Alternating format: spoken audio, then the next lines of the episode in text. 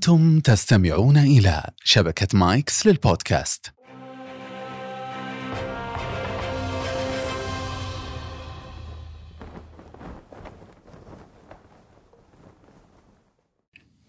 أسعد الله أوقاتكم كل خير. أهلا بكم من جديد في بودكاست على بياض.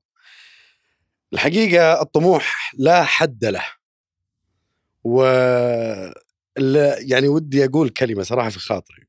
من اليوم والله وأنا هوجس بها في العادة أنا أحضر كثير المقدمه وكذا ويعني وتمشي معي. اليوم المقدمة كانت مرة صعبة علي. مرة مرة صعبة لأسباب كثيرة.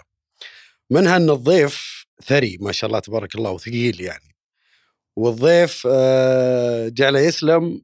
هو هذا أول ظهور له بودكاست آه، أول ظهور له يخرج في بودكاست وظهر في مقابلات كثيرة لكن في بودكاست هذا أول ظهور له. ما ودي أعطي مقدمات كثيرة ولا ودي أطول لأنه أنا صدق مست... م- مشتاق ومتشوق إني أنا أسمع ل- ضيفي الكريم الاستاذ يوسف القفاري أبو محمد. مساك الله بالخير أبو يعطيك محمد. برضه والعافية. الله يحييك يلا ابو عبد. الله. الله يطول عمرك وجودك ويهديك. بس سوالي ربكه إيه ما بس شاء الله. كلمة ثري هذه ترى يعني قد يكون في عليه علامة استفهام. الناس ما تحسب انه ثري. الحين عندي مل- مليارات. هو انت انت أنت تقصد ثري يمكن ب- بالمعرفة بال- بالتجارب بكذا. بس عشان أوضح لا. تبي أقول الصدق؟ أنا أقصد الثنتين. الله يرضى عليك. يطول عمرك. الله يزيدنا ويزيدك إن شاء الله. الله الله يرضى عليك. يا هلا بك. أبو محمد آه، في العادة إحنا في أي بودكاست نبدأه آه، في- ب- على بياض بودكاست على بياض نبدا مع ضيوفنا نود إن الضيف يعطي تعريف بسيط للمستمعين المشاهدين من هو الأستاذ يوسف القفاري. أبشر يشرفني. طبعا. في البداية أنا من مواليد واحد سبعة فلو قلت لك يعني تعرف ما حد يبقى يعرف تاريخ ميلادي. فلو قلت لك عمري 35 لازم تصدق. يعني راح أجل تاريخ ميلاد شو اسمه عيد ميلادك راح. إي واحد سبعة. تعرف اللي واحد سبعة بالهجري يعني تاريخ ميلاده مو مضبوط. لكن آه، طبعا أنا عندي ولد محمد الله المهندس محمد آه، الله يخليك آه، عمره 30 سنة. ما شاء الله تبارك الله. و- وعندي حفيد. ما شاء الله. أحمد بن محمد. فأنا تقدر تقول من مواليد بداية السبعينات يعني ميلادية. عشت وتربيت في في مدينة الرياض في كنف الوالد الله يغفر له ويرحمه. توفى عام 1410 كان في هذاك الوقت تقريبا عمري 16 أو 17 سنة. آه، ما حظيت بفرصة التعليم ليس لأني ضد التعليم ولكن آه، بسبب عدة ظروف اجتماعية اقتصادية مادية وحتى كقناعة يعني التعليم في ذاك الزمن يختلف كثيرا عن التعليم الآن والنهضة التعليمية اللي يقودها اسمه سيدي يعني ولي العهد. التعليم في السابق كان يعني أنا بكل أمانة حتى لو زعلوا مني يعني بالكثير كان كان مضيعة للوقت. آه، لأنه التعليم يدرسك شيء وسوق العمل يتطلب شيء آخر. أنا أتكلم طبعا قبل 20 25 30 سنة. فما حظيت بفرصة التع- التعليم ما ما أكملت تعليمي الجامعي. بداياتي اشتغلت في في وظائف صغيرة جدا. كانت أولى الوظائف في مصرف الراجحي. آه، اشتغلت كاتب كاتب حسابات. راتبي كان 2100 ريال. وتدرجت بعد ذلك في القطاع الخاص. في منتصف محطاتي اشتغلت في القطاع العام القطاع الحكومي وبعدين رجعت مرة ثانية للقطاع الخاص. إلى ما وصلت للي أنا وصلت له اليوم. هذا باختصار يعني يعني تعريف آه، بسيط. عن عن. عن يوسف القفاري. لكن كل مرحلة من مراحل حياتي كان فيها تجربة فيها تحديات فيها صعوبات فيها آه، تعرف كل إنسان في مرحلة عمرية. تختلف أولوياته. يعني في العشر سنوات الأولى تخت- اللعب والمرح تكون على قمة أولوياتك. في العشر سنوات الثانية في العشر سنوات الثالثة في الرابعة إلى أن توصل إنه تتغير أولوياتك تصير الصحة قبل المال قبل أحيانا الأسرة أحيانا المجتمع أحيانا العمل. فكل كل مرحلة من مراحل الحياة تختلف أولويات الإنسان. تتبدل أولوياته. أكيد إيه؟ حسب, حسب حسب المرحلة اللي يمر فيها. يعني مرحلة المراهقة غير مرحلة الشباب غير مرحلة ال... ال... لما يكون عندك أسرة غير مرحلة لما تكون في منصب قيادي غير مرحلة لما تتقاعد غير مرحلة لما تتجاوز الخمسين تصير الصحة الرعاية ال... ال... ال- المتعة ال... ال- التفرغ. غير عاد لما تصير جد. بعدين خلاص. الجد هذه مرحلة الحين مستجدة شكلها. إي والله إيه لا لا لسه جديدة. حفيدي عمره تقريبا شهرين شهرين ثلاث ما شاء الله تقريبا. تبارك الله ما شاء الله تبارك الله. طيب بس ترى متزوج بدري متزوج عمري 18 أنا يعني كنت أب مم. وموظف ورب أسرة وأنا عمري 19 سنة. ما شاء الله. وهذه يمكن أحد العوامل اللي حفزتني إني أتحمل مسؤولية مبكرة. ويمكن أحد أسباب نجاحي بعد توفيق الله ودعاء والدتي. الله يطول بعمرها الله ويخليها يمتعها لي. بالصحة والعافية. آمين يا رب. آه، أجل خلينا نرجع للبدايات. أي بدايات. تحمل المسؤولية أبو نعم. أبو محمد. والله شوف يعني آه، آه، الوالد توفى الله يرحمه. كان كريم سخي. تعلمت منه الصبر تعلمت منه الجلد تحمل عدم الحاجة لأحد ما أطلب أحد. فوفاته تركت يعني فراغ كبير في حياتي. آه، قبل وفاته بسنتين تقريبا أو ثلاث سنوات تعرضت لحادث. حادث يعني عجيب غريب كان عبارة عن مزحة آه، مع أحد أبناء العم واللي أيضا توفى بعدها بكم سنة الله يغفر له ويرحمه. وكنت أنا أقرب منه للموت يعني بالحادث آه، كان عن طريق طلق ناري كنا نمزح وجت في في في عين الشمال خسرت العين تماما. فكانت هذه من التحديات الصعبة أنك أنت طفل عمرك 14 15 سنة في في في في في مدرسة تعليم عام صعب جدا. كنت أدرس في معهد العاصمة النموذجي صف أول متوسط إلى ثاني متوسط. آه، فكانت تحديات كبيرة أمامي. ومع ذلك آه، أعتقد إنها كانت آه، داعم لي بأنه أتحمل وأتميز وأصبر فالكل كان متوقع إني ما راح أقدر أسوق، ما راح أقدر أعمل، ما راح أقدر أدرس، ما, ما, ما راح أقدر آه، أتزوج، ما راح أقدر آه، لكني ولله الحمد بالعكس دخلت المجال الرياضي وصرت ألعب تايكوندو وتميزت وحصلت على بطولات و... وصرت أسوق من عمر سن صغيرة والحمد لله ما ما واجهت أي مشاكل. اشتغلت في القطاع الخاص والقطاع العام القطاع المصرفي الشركات العائلية أدرجت شركات عديدة في سوق الأسهم آه، فأقول لك بداياتي كانت كانت براتب 2000 ريال إلى أن وصلت إلى ولله الحمد إلى يمكن من أعلى السعوديين دخلا آه، الشهري آه، في في في المملكة العربية السعودية ولله الحمد. يعني آه، كل هالتجربة خضتها بعد بعد الحادث نعم بعد الحادث وكنت يعني خليني أقول لك قصة الحادث. إي لو سمحت كنت أنا وابن عمي كان عندنا مزرعة في في منطقة القصيم نروح لها في الإجازة الصيفية. مزرعة للوالد. وكان معنا سلاح الصيد الساكتون الساكتون، ألماني إيه، جديد كان كان الوالد شرى لي إياه بعد ما خلصت سادس ابتدائي لأني كنت أحب الصيد. فكنت جالس أنا وابن عمي خالد تحت أحد ال- ال- الأشجار ننتظر الطيور عشان نصيدها. فرحت أنا عبيت ال- ال- الساكتون هذا السلاح عبيته هواء بدون رصاصة. إي أنا أذكر أول كنا نسويها إيه نسوي نقد، كذا إيه. بدون يعني بس يطلع صوت إيه. بدون رصاصة فكنت إيه. أمزح مع خالد ولد عمي قلت له تحداني احطها في عينك قال لي أتحداك فطلقت كذا وهو فز كذا وخاف وضحكنا إنه ما فيها شيء آه أوكي فبقى بقى ال- ال- الساكتون معي كسرته وحطيت فيه رصاصة المرة هذه وخليتها معي وقعدنا نسولف بعدين قال هو رفع راسه شاف يمكن طيور ولا شيء قال عطني أعطيته إياه. نزل راسه قال لي تتحداني؟ أحطها في عينك؟ كذا. قلت له اتحداك بس ترى فيها رصاصة. راح أطلق. يحسبني أمزح. أوه يحسبك تمزح. إي ف... فأنا حطيت يدي على عيني كذا وطحت على على ظهري. فجاء مسك يدي من كذا قال لي قوم بلا يعني مزح. إيه فشاف الدم وخاف وجرى. فرحت أمشي كان الوالد بالصدفة يعني جاي بالسيارة أيوة. ومن هنا عاد دخلت يعني في في غيبوبة دخلت في وبعدين يعني فقدت ال- العين تماماً. شالوها نعم تماماً. شالوا العين هذه عين جمالية الحمد لله و سبحان الله العظيم يعني كان باقي مليمتر وتدخل الدماغ لأن مسافة قريبة ولكن الحمد لله جت سليمة وسبحان الله العظيم بعدها بكم سنة توفي ابن عمي هذا خالد الله يرحمه في حادث سيارة. فالأقدار والأعمار كلها بيد الله. بس آه، أنت الآن أنت هذا ساقني الآن لسؤال يعني. تجاوز هذه المرحلة نفسيا؟ والله شوف يعني لو استسلمت لأي عجز. لا عفوا بس إذا قطعتك أي- هو تجاوزك النفسي وأنت في سن صغير. نعم نعم. في ظل حتى يمكن والله لقيت دعم معنوي من والدي من والدتي. من أخوي الكبير عبد الله اللي جلس معي كل كل الأيام بالمستشفى رافق معي. أه وشفت حالات أصعب مني. يعني شفت ناس في المستشفى كنت في, في كان تو مفتتح مستشفى الملك خالد للعيون 1404 آه 1405 فشفت يعني ناس فاقدين البصر. شباب شفت ناس مولودين وهم يعني كفيفين في ناس فقدوه من حوادث فحسيت إنه أنا الحمد لله بخير ونعمة ربي أعطاني فرصة ومجال إنه أخذ منك شيء بس بيعطيك شيء آخر. وربي عوضني بأشياء كثير يعني فقدت آه، نظر والحمد لله عشت وبخير ونعمة وتزوجت وأنجبت وعملت و... و...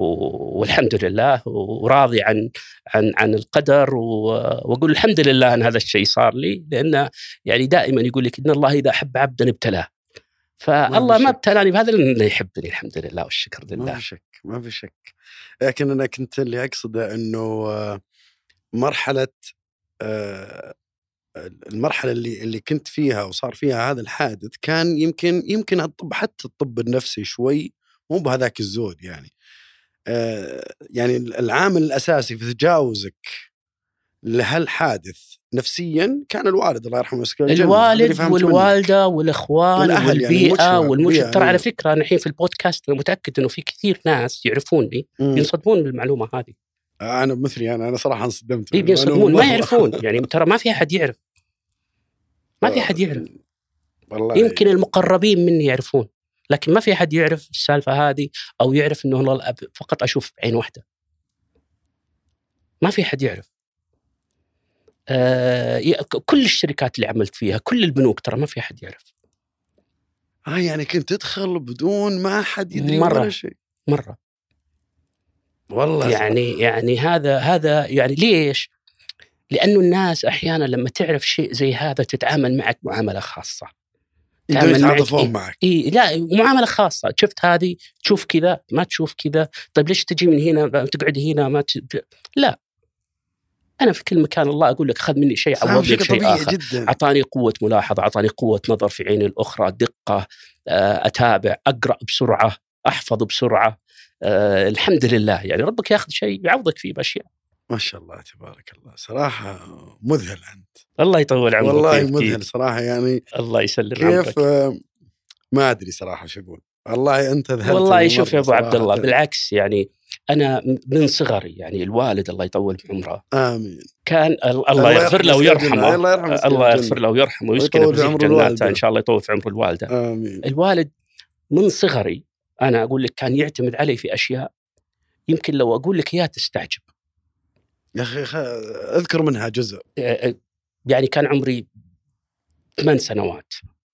يخليني مثلا أرعى الماشية. من الفجر لين المغرب مع إنه عنده عمالة عنده عندي إخوان أكبر مني. كان يخليني أروح أجيب أختي الصغيرة خواتي أختي الصغيرة من المدرسة مشي مع إنه إخواني عندهم سيارات. أروح اجيبها مشي وأرجع مشي. فهذه يعني يعني صنعت فيني قدرة على التحمل. آه، في السابق ما كنت أعرف ليش الوالد يسوي كذا. الآن أقول الحمد لله انه عودني على هذه الأشياء. عرفت ليش؟ يعني فعلا الصبر تحمل مواجهة الرجال آه، لما يقول لك يلا قلط فلان روح تأكد من الغداء تأكد من العشاء اعزم فلان. وأنا وأنا كنت صغير. يعني يعني هذه آه، تعطيك الثقة في نفسك. تخليك تعرف يعني أنواع البشر وأنت صغير. تعرف من الصادق تعرف من اللي يكذب تعرف من المزاح تعرف من الأمين تعرف من اللي آه، ملتزم من اللي متعنت من اللي متزمت من اللي من صغرك. فهذه لما لما توصل مرحلة ال maturity توصل تتجاوز العشرينات الثلاثينات خلاص تعرف أنواع الناس. ترى اللي اللي اللي اللي اللي يسرقك بريال ممكن يسرقك بمليون مل- مليار. مليار ما في شك. إيه يعني اللي اللي يغشك مبدأ، بشيء هو في بسيط النهاية مبدا اي اللي يغشك حتى وانت تلعب معه. يعني أقول لك من المجتمع من البيئة من الجيران من كذا. الناس تكبر على ما هي عليه لأنه هذه طباع. هذه طباع يسمونها traits ما تتغير لا بالتدريب ولا بالتهذيب ولا بالتربية. يعني الكذاب كذاب. ما تقدر تقول أحضر دورة عن الصدق. بالضبط إيه، صحيح. ما تقدر تقول له احضر دورة. 100% صح. آه، ما هي ب communication ما هي بمهارات اتصال لا. إيه، skills الكذاب كذاب اللي مو بأمين مو بأمين الحرامي ما هو حرامي. اللي مم. ما عنده يعني يعني آه اللي ما هو بقائد ما هو بقائد من الطفولة. ترى من الطفولة هذه الأشياء هذه يسمونها طباع. وليست مهارات أو قدرات أو كفاءات. مهارات القدرات الكفاءات تقدر تدرب عليها الواحد تقدر تعلم عليها تقدر تسوي له on job training يعني آه، تدربه عملي تدربه نظري على ال- إيه. آه، توجهه آه، تسوي له كذا حتى النطق تقدر تدرب عليه لكن ما تقدر تدرب على ال- الطباع. مبادئ إيه، لا الطباع الطباع هذه الطباع تولد مع الشخص. صعب إنها تتغير. الكذاب كذاب. من صغره لين لين يموت يكذب. لو تقول له كم الساعة والساعة ثلاث يقول لك ثلاث وربع.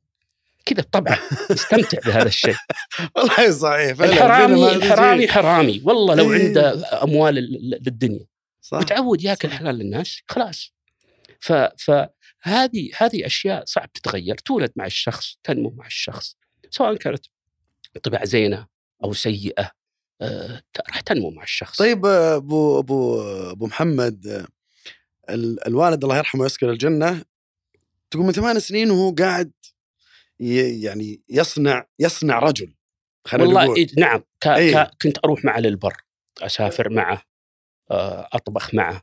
يعني أنا تعلمت الطبخ من عمري ثمان تسع سنوات. أنا كنت أسوق سيارة من عمري ثمان تسع سنوات. كنت أسوق سيارات ثقيلة. أسوق شيول أسوق آه، قلابي أسوق آه، حراثة أعرف الري الزراعة أعرف النخلة من شكلها هذه سكرية برحية سلجة كذا من شكلها. ليش؟ لأني كنت مرافق معه. أعرف أصحابه كلهم أعرف أصدقائه أعرف طباعهم أعرف اسلوبهم آه، آه، آه، أعرف كيف يعني يعني حتى كنت أسافر من مدينة لمدينة بالسيارة عمري 12 مع أهلي ليش؟ لأني تعلمت. يعني علمني الوالد على هذه الأشياء. فعلشان كذا أنا أقول أنا أهتم بالتفاصيل. يعني هذه تعلمتها من الوالد. يعني مستحيل أطلع مثلا رحلة. بعض الناس يروح رحلة تلاقيه ينسى شيء. الحمد لله والشكر ما عمري نسيت شيء. دائما دائما أهتم بتفاصيل عندك التفاصيل. لست ما ما اسجل أنا ما اسجل ما أكتب. كذا إيه، تلقائي من إيه الله. تلقائي يعني أعرف أهتم بالتفاصيل دائما. دائما أهتم في كل شيء في كل عمل في العمل في في العلم. أقول لك يعني أنا مثلا ما ما أتيحت لي فرصة الدراسة الجامعية. مم. لعدة أسباب يمكن ذكرتها في إيه، البدايه في قلت لك. اجتماعيه إيه، إيه. واقتصاديه وماديه بغض النظر وأيضا عن. قناعة أنا أنا مؤمن مم. انه تعليم الذات أهم وأفضل وأقوى من أكبر شهادة جامعية من أفضل جامعة في العالم. يعني أنت تعلم ذات ذات نفسك بنفسك هذا قد يقودنا يعني يود- يودينا لمكان ثاني بس أنا ما أبغى أروح أنا ما أبغى أروح الآن لمسألة ال- ال- التجارة والدراسة والفرق بينهم وإلى اخره التفاصيل. هذه لأن لاحقين عليها وهذه موجودة في المحاور. بس لا أنا ما زلت أبغى أوقف عند آه، يوسف القفاري هذا الإنسان اللي آه، صنعه والده من يوم عمره ثمان سنين.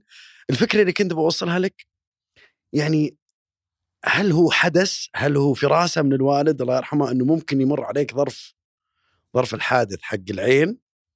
ولذلك هو كان حريص إنه من البداية يصنعك هالصناعه عشان تكمل المشوار. والله شوف يعني ما كل أب يتمنى إن ابنه, من ابنه يكون أنا. أفضل منه كل أب. اي ما في شك. لكن وش الطريقة؟ وش الأسلوب؟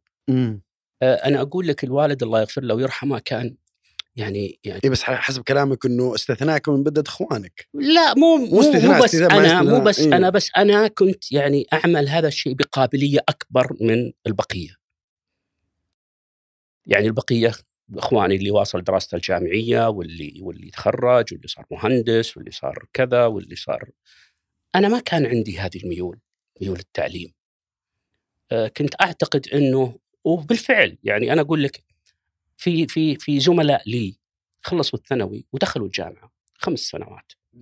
أنا خلصت الثانوي واشتغلت خمس سنوات.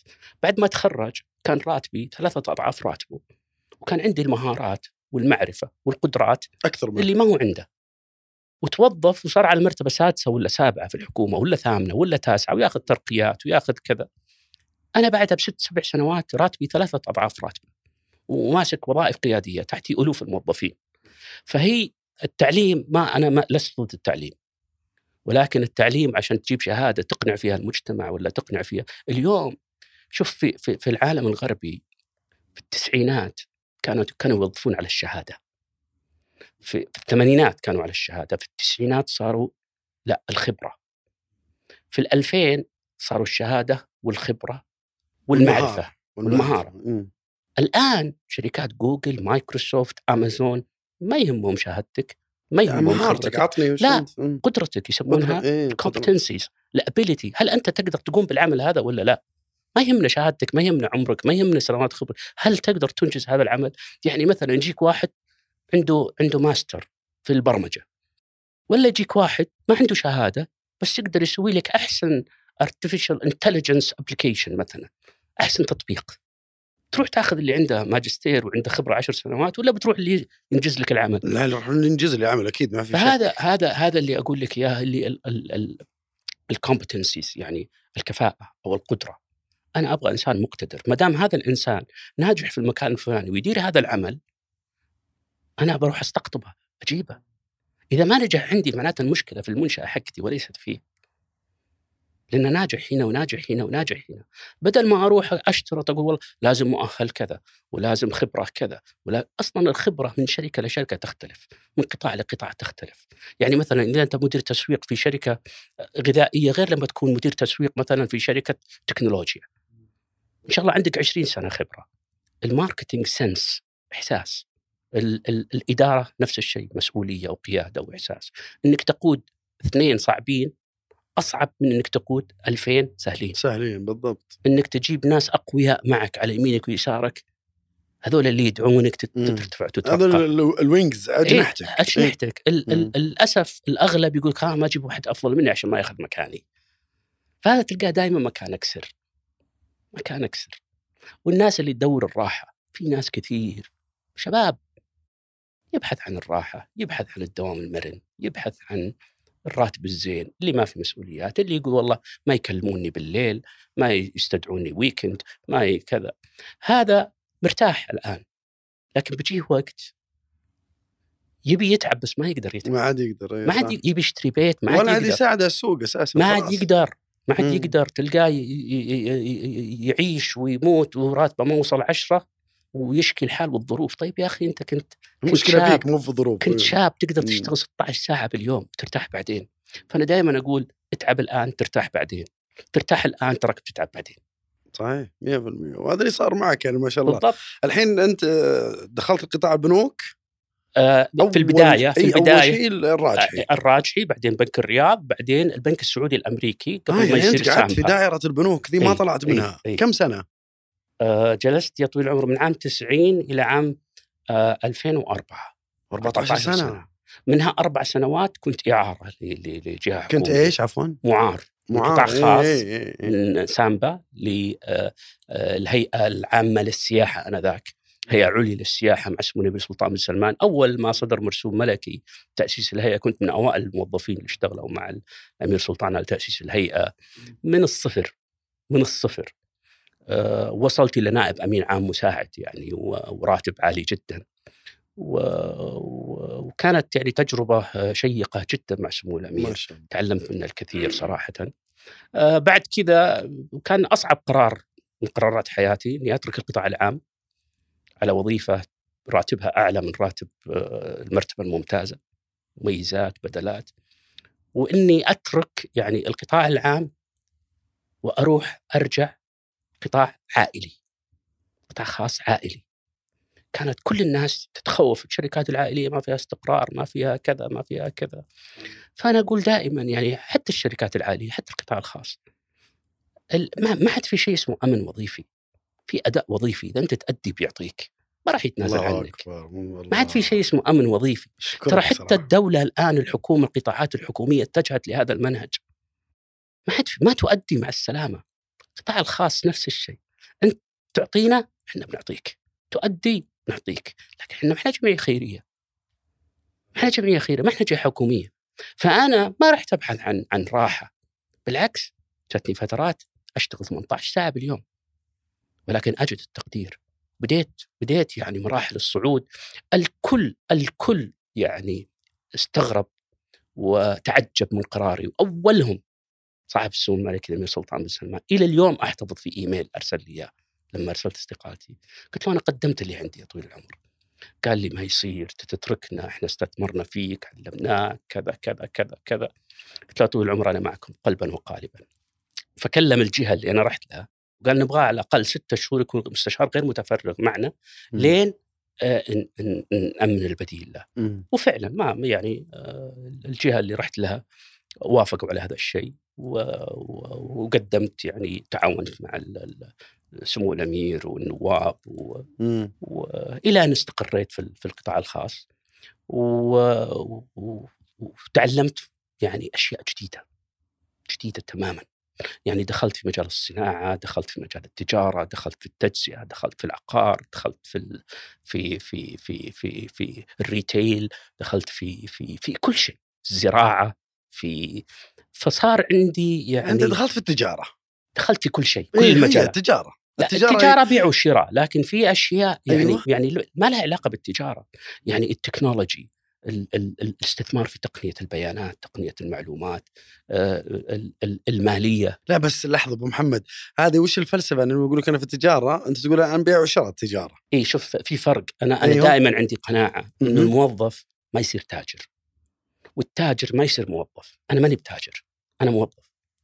لكني أصنع يعني يعني شغلتي تصنع تجار. أصنع لا مو اصنع تجار لا أصنع أصنع اي كريت ويلث يعني أصنع ثروات تصنع يعني ثروات. أصنع ثروة. يعني أنا ممكن تجي تقول لي والله الشركة هذه تسوى 100 مليون كيف نوصلها مليار؟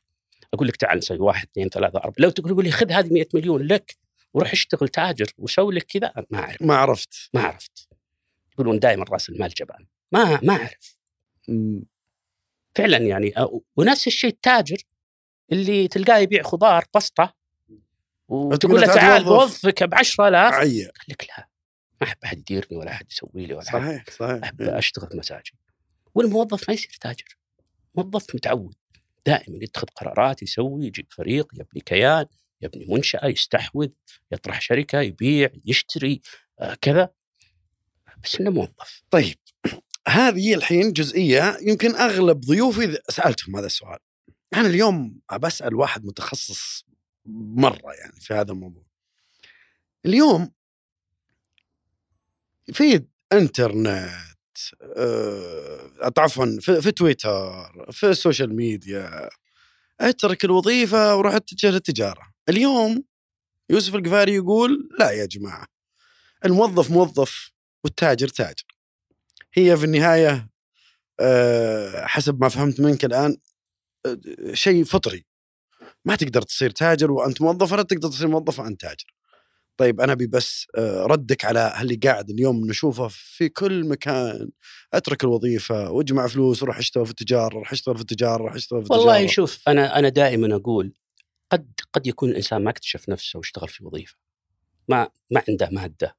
ما بعد اكتشف نفسه ممكن بعد خمس سنوات عشر سنوات بنى رأس مال يروح يشتغل في التجارة وينجح. ترى ليست قاعدة لأنه هو بالضبط. بالأساس تاجر. لو إنه موظف كان استمر موظف لين صار في أعلى ال- ال- والعكس صحيح في ناس تلاقي عنده وظيفة ياخذ دخل كويس أخذته العزة بالاثم وقال بروح أسوي مشروع تجاري وراح صار تاجر.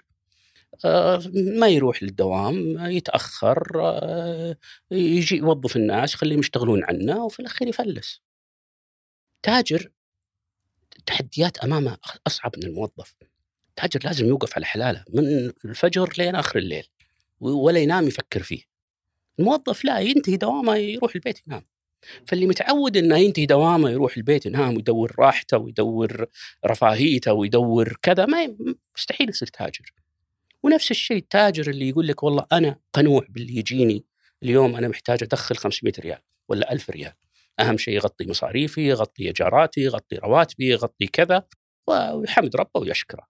فأقول لك ما في قاعدة تقول لك والله إنه أنت جمعت مليون روح سوي مشروع. واترك الوظيفة. اي بالضبط. هذا اللي إحنا. هذا اليوم الدعوات كلها أنا قاعدة تصير كذا أنا دائما. أقول أنا أقول دائما كن بال safe side خليك مستثمر. فلان ناجح في مط- مطاعم حط فلوسك معه استثمر معه. فلان ناجح في العقار حط فلوسك واستثمر معه. وريح بالك سواء أنت موظف ولا تاجر. ترى الاستثمار هو ال ال ال اليوم قنوات الاستثمار محدودة. التحديات كبيرة في التجارة. التحديات أصبحت كبيرة جدا. العقار تكلفه القوى العاملة التوطين. الأمور المحاسبية هيئة الزكاة والدخل الضريبة أنا ما ما أقول تحديات لكن على الإنسان البسيط صعب يسويها. صعب إنك بتروح تفتح مطعم وبتجيب لك محاسب بتجيب لك مدري إيش وبتجيب لك مدير موارد بشرية وبتدخل حماية الأجور وبتدخل في كذا وبتدخل في كذا وغرامات واستقدام وتوظيف وتعيين. فعشان كذا أغلب الشركات اليوم اتجهت لل outsourcing الإسناد لجهات خارجية. أنت ركز على ال core business وخلي الأمور الثانية يسوون لك إياها ناس من برا. ناس من برا. ولكن التاجر دائما بطبعه يقول لك لا أنا بمسك الحسابات أنا بمسك آه، التوظيف أنا بمسك أنا بدير العمالة أنا بدفع رواتبهم أنا بمسك التوريد أنا بمسك المشتريات أنا بمسك بعد كذا يضيع. هذا اللي يضيع ويدخل في جدار ويطلع من يضيع السوق بعدين. يضيع. إيه والأصعب والاسوء من ذلك اللي ياخذ قروض ولا ياخذ سلف ولا ياخذ فلوس من الناس علشان يتاجر فيها. مم. لا أنا أنا دائما أقول إذا أنت موظف ومبدع في عملك قاعد تترقى وعندك فلوس استثمر. طيب أنت قبل شوي تقول آه عندك فلوس راح أدخل مع واحد ناجح استثمر. واستثمر معه. طيب نفس شوي نفس الشيء لما أكون أنا عندي مشروع وبجيب أحد يدخل معي وأنا ما عندي لا، و... أنا أقول لك إيش الفرق بين الاثنين الاثنين إنك. أنت تروح مع واحد ناجح مو تروح واحد يجرب. طيب الناجح في الغالب يقول ما ابي لا ما في أحد ما يبي يتوسع ما في أحد ما يبي يكبر ما في. من أكبر شركة إلى أصغر فرد. كل إنسان عنده عنده يعني آه، يسمونه market value عنده قيمة إنه تعال أنت شركتك قيمة سوقية إيه. قيمة سوقية تعال السهم عندك بكم؟ ب 10 ب 20 ب 30 ب 40 مو بلازم أسوي على قولتهم private placement طرح خاص ولا IPO علشان آه، أدرج شركتي لا أنا اليوم لقيت فلان ناجح فتح مطعم فتح الثاني فتح الثالث. تعال يا أخي أنا أنا عندي فلوس بستثمرها معك رب يرزقني ويرزق مني ليش لا؟ بالعكس الإنسان بيقلل عليه تكلفة المخاطرة، اليوم التمويل مثلا يكلفك 7 8% مم. تمويل من البنوك. آه، فلما يجيك مستثمر معك في الربح والخساره نتكلم عن اللحظه أنا سمعت إنه وصل الحين إلى تسعة بعد لا لا أعرف. وسبعة سبعة ونص إلى ثمانية بالمية يعتمد على ال- ال- ال- السايبر على ويعتمد إيه. لا ويعتمد على على على القرض هل هو قصير الأجل متوسط الأجل طويل مم. الأجل يعتمد على الكيان يعتمد على المبلغ يعتمد على النشاط بس ففي- still مرتفع لا أكيد يعني مرتفع عالي جدا جداً جدا, يعتبر. جدا. اللي قاعد نشوفه اليوم في في في في آه، سوق الأسهم ولا في آه، السوق العقاري ولا في آه، القوة الشرائية ولا في كله كله مرتبط بال inflation اللي قاعد يصير في ال interest rates يعني في في في التضخم في تكلفة ارتفاع سعر الفائدة. يعني أنت ما بعد صرت رجل أعمال إلى الحين يا أبو محمد؟ لا شوف في فرق ترى بين تاجر وبين رجل أعمال. مختلف. وهو اليوم حنا قدام إيه، لا، ترى مختلف. كثيرة إيه، تجارية. إيه سم إيه تفضل. تاجر اللي يبيع ويشتري ورجل الأعمال؟ لا رجل الأعمال أنا من الناس اللي أعتبر نفسي رجل أعمال. أنا ممكن اسس شركات آه، أدخل في تأسيس شركات أستحوذ على شركات آه، أكتتب في شركات آه، أطرح شركات يعني اليوم اليوم أنت موظف. لا ابدا إيش اللي خلاك تاخذ قرار إنك تطلع من قالب الموظف إلى قالب رجل الأعمال؟ شوف أعتقد إني آه، كموظف أنا وصلت لمرحلة إني البيك خلاص. إي إني ألميت بكل شيء. والحمد لله ما في مكان طلعت منه تركت فراغ. دائما أنا أبني يعني فريق خلفي لذلك الحمد لله. علاقتي شواهد بكل كثيرة ما شاء الله بكل اليوم. الجهات اللي اشتغلت فيها. اللهم لك الحمد والشكر. اليوم شواهد كلها موجودة في السوق يلا لك الحمد. يتفرج يلا لك الحمد. والشكر. فأقول لك يعني لما توصل لمرحلة إنك خلاص يعني اليوم أنت طرحت شركه طرحت شركتين طرحت ثلاث لأنك أنت السي أو والرئيس التنفيذي والعضو المنتدب. طيب ليش ما أطرح خمس شركات في وقت واحد؟ ما, ما تقدر تصير رئيس تنفيذي لخمس شركات. فمعناته لازم أتفرغ ل آه، لهذه العملية. ال- ال- ال- إنك تجي تروح لصاحب نشاط شركة ناجحة تقول له تعال أنا بساعدك على إنه نطرح الشركة هذه للاكتتاب. آه، أساعدك في هيكلتها من الداخل، أساعدك في هيكلة رأس مالها، أساعدك في رسم استراتيجيتها التوسعية، أساعدك في كذا، وبعدين اطرح لك إياها مثلا والله في السوق الموازي ولا السوق الرئيسي بصفتي مساهم معك، مستثمر معك. ونبني فريق يديرها وكل شيء بدون إحنا ما ندير. خلطة الملكية عن الإدارة. إحنا نضع الاستراتيجية وخلي غيرنا ينفذ. نفذ ونجح تمام، ما نفذ نجيب غيره. ف...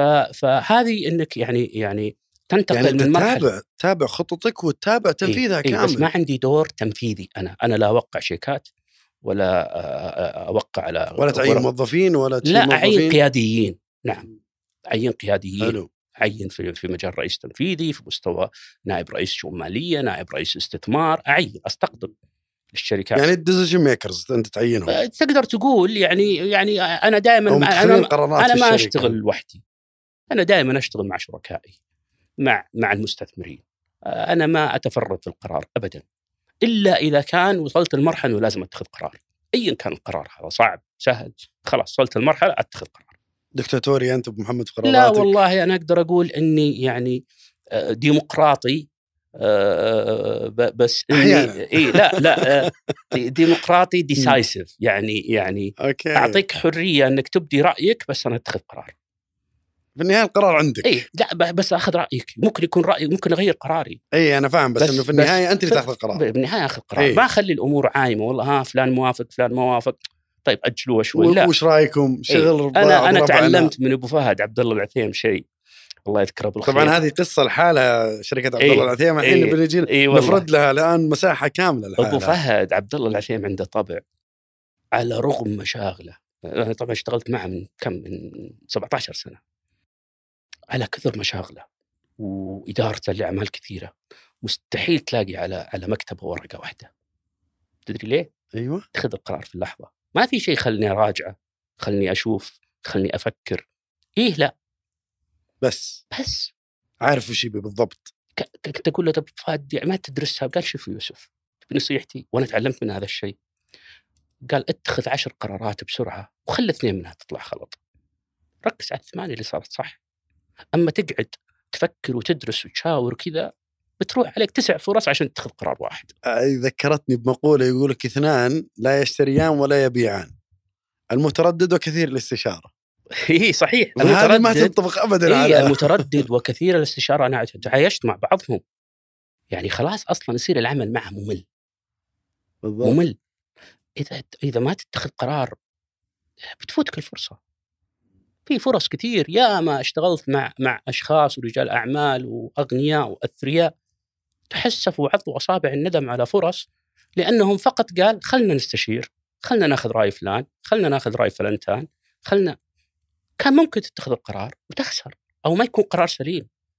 بس يا أخي لا تضيع وقتك في دراسات أو إنه والله أحول لاستشاري، أنا غير مؤمن بالاستشاريين، أنا ممكن أروح استشاري بشيء في مستشفى طبيب، استشاري في مبنى، لكن استشاري يجي في شركة يعلمك وش المفروض تسوي في شركتك في حلالك. في شغلك في اللي عندك خبرة فيه. وش يسوي؟ يعني يعني أنا دائما يعني الاستشاري في مقولة يقول لك والله هو اللي يشوف الساعة في يدك ويعلمك كم الساعة. إحنا ما أنا احتاج عشان كذا ضحكت قبل ما تقولها لانك قلتها لي قبل ما نبدأ التسجيل. إي والله. والله إنك صادق. فعلا يعني شوف- هو يشوف شوف. ساعتك ويعلمك كم الوقت. نعم. الاستشاري اللي يجي يعني مثلا يجمع آراء قياديين في في في في في في, في وزارات توحيد وضع خطة استراتيجية بحيث إنه تقاطع العمل هذا نعم أتفق معك. يعني يعني الكيانات المؤسسات العامة هذا مستقل وهذا مستقل وهذا مستقل. أنت محتاج لحد يجي يربط مبادراتهم مع بعض، مخرجاتهم، الرؤية، التحول هذا نعم أحتاج واحد يجي ينسق هذه الجهود، لكن أنت في شركة في قطاع خلينا نقول في صناعة معينة أو في تجارة معينة، تجيب استشاري عشان يسوي لك هيكل تنظيمي ولا يسوي لك يروح يجيب لك أحسن هيكل تنظيمي، في الأخير أنت عندك هذا المدير المالي أنت واثق فيه ما أنت مغيره، له 15 سنة. تجيب هيكل تنظيمي ليه؟ فصل هيكل تنظيمي على الكفاءات يناسب. والقيادات اللي عندك. أما تروح تسوي هيكل تنظيمي بعدين تخلي المدير المالي نائب رئيس الشؤون المالية والإدارية وما أعرف إيش و... إيه، وليه؟ وش تستفيد؟ يغيرهم يزيد رواتبهم. لا تبلش إيه أنت وش بعدين. بتستفيد؟ أو بيجي يقول لك لا فلان ما يصلح نائب رئيس. بتروح تجيب واحد ثاني بيصير فوقه وهذا يصير ما يشتغل. وذاك يصير كذا وتكلفة. و... فأنا أقول لك دائما تربك تربك. إيه، العمل عش- الإداري في الشركة عش, يرباك عش واقعك؟ عش واقعك؟ تبي تستشير أحد؟ استشير أحد في نشاطك في خبرتك. استشير رجل أعمال تاجر. لا تروح تجيب لي استشاري عيونه خضر ولا عشان عيونه زرق. تقول له تعال وش رأيك؟ آه، بسوي آه، دراسة ولا دراسة ما يعرف سوقك ولا يعرف الكلتشر ولا يعرف آه، يعني يعني يعني أتذكر لما كنت في العثيم مم. يعني ما يبدو إن تحتاج إحنا لازم نروح لش اسمه لقصة آه، شركة عبد الله عثيم نعم اللي فيها فيها فيها شيء واجد بس يعني أتذكر من أي التجارب. من مم. التجارب إنه من خلال يعني في في شيء اسمه إدارة المخزون مهم. وفي شيء اسمه التوالف. هذا في ال في, ال في ال return. اي في ال retail إنك تدير المخزون تشوف الاشياء اللي دورانها سريع الأشياء اللي دورانها بطيء. ف اطالع من أكثر اللحم اللي يستهلك عندنا في المنطقة الوسطى والقصيم الحاشي. في الغربية تقريبا صفر. هناك سمك ما في. لا لا وحري لا هناك حري عجل حري. عجل إيه. ياكلون آه وعجل بس إيه. ما ياكلون ما ياكلون. فأنا أقول ليش ترسلون للمنطقه الغربية؟ طيب ما حد يستهلكه. يعني هذه ما تبي دراسة ما تبي تحليل. اي صح ألف باء business. ما يعني هذا هذا شيء يعني يعني ما تبي دراسة ما تبي تحليل ما تبي. okay خفض الكميات بدل ما ترسل كذا خفضها إلى كذا. عشان تقل التوالف يقل المرتجعات يقل كذا. طبعا هذا غير ال system ودراسة المخزون. يعني تعلمت من أبو فهد العثيم إنه التكلفة أهم شيء. كم يكلفك الكهرباء مقارنة بالمبيعات؟ كم تكلفك المتر المربع؟ كم تكلفك الثلاجات؟ كم تكلفك القوى العاملة؟ كم يكلفك التالف المخزون؟ كم يكلفك كذا؟ إذا أدرتها بدقة وحصافة الفرع يربح. عشان كذا أقول لك شوف ما شاء الله ما شاء الله ما شاء الله. ما شاء الله. شركة شركة أسواق العثيم من الشركات اللي تضاعف سعرها اللي يعني من من 17 سنة وهي تربح. 17 سنة وهي وهي تزيد رأس مالها وتعطي أسهم مجانية.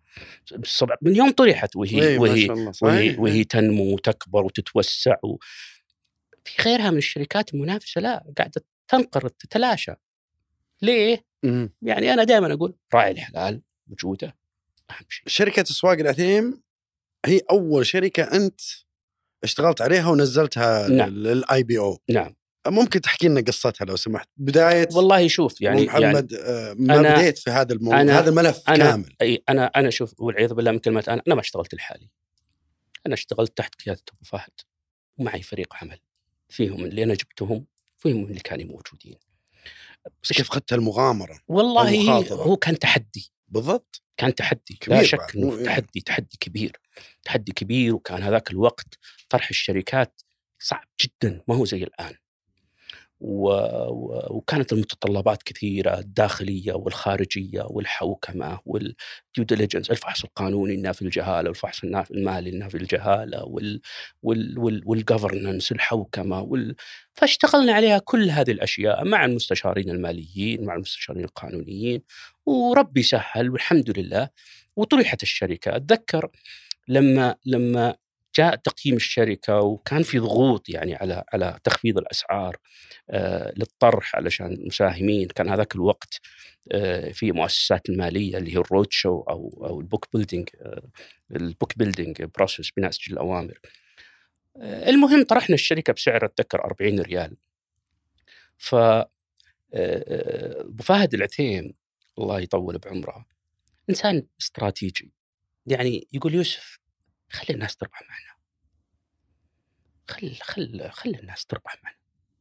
إحنا ما إحنا راكبين الا 30% باقي 70% هذا اللي مهم نركز عليه. سبحان الله العظيم يعني اتذكر شركة ب 700 مليون اليوم شركة أكثر من 14 مليار. هي بس احكي لنا قصتها من البداية أنت شلون مسكت الملف وأخذت هالمغامرة وهالمخاطرة؟ والله والله شوف أبو شوف محمد. آه، هي هي هي. ودي أسأل سؤال ثاني معها عشان أفرد لك المساحة كاملة تتكلم عن هذا الموضوع. وكيف تعرفت على أبو فهد؟ أبو فهد آه، أول شيء تربطني فيه صلة قرابة لكن ما توظفت عنده عشان القرابة. ابدا. آه، آه، أبو فهد يعتبر ولد عمتي. آه، لكن ما ما تعينت عنده بصفتي قريب.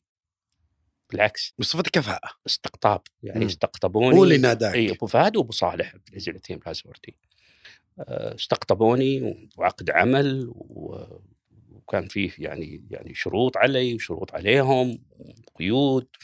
وكان أبو فهد يعني لأني محسوب من أقربائه كان كان يعاملني معاملة يعني الله لا يوريك. مم. وهذه اللي يعني كا- كان شديد علي. ما يعني يبغاني ما- اخطي محسوبية ما يبغاني مم. يعني ف- فالحمد لله يعني أبو فهد مم. الله يجزاه خير ويطول بعمره. آمين. صنع مني صنع مني يوسف القفاري في قطاع الأعمال والأعمال. تعلمت كل شيء. يعني أنا لا درست مالية لكني والله لو أجلس مع أفضل مستشار مالي تقول هذا تخصصه دكتوراه في المالية. لا درست هندسة الحمد لله. في كل المجالات. ما درست تسويق ما درست إدارة ما درست استثمار ما درست ولا شيء. حتى اللغة الإنجليزية I taught myself يعني أنا أتذكر من المواقف اللي اللي من بعدها قررت أتعلم لغة إنجليزية لما كنت في مصر في الراجحي. كنت شغلوني بمستشفى الملك فيصل التخصصي فترة من الوقت. فكانوا كلهم هذاك الوقت أجانب أجانب 1990 91 مم. وكنت ما أعرف لغة إنجليزية صراحة. فجتني دكتورة أعتقد والله أعلم إنها أسترالية.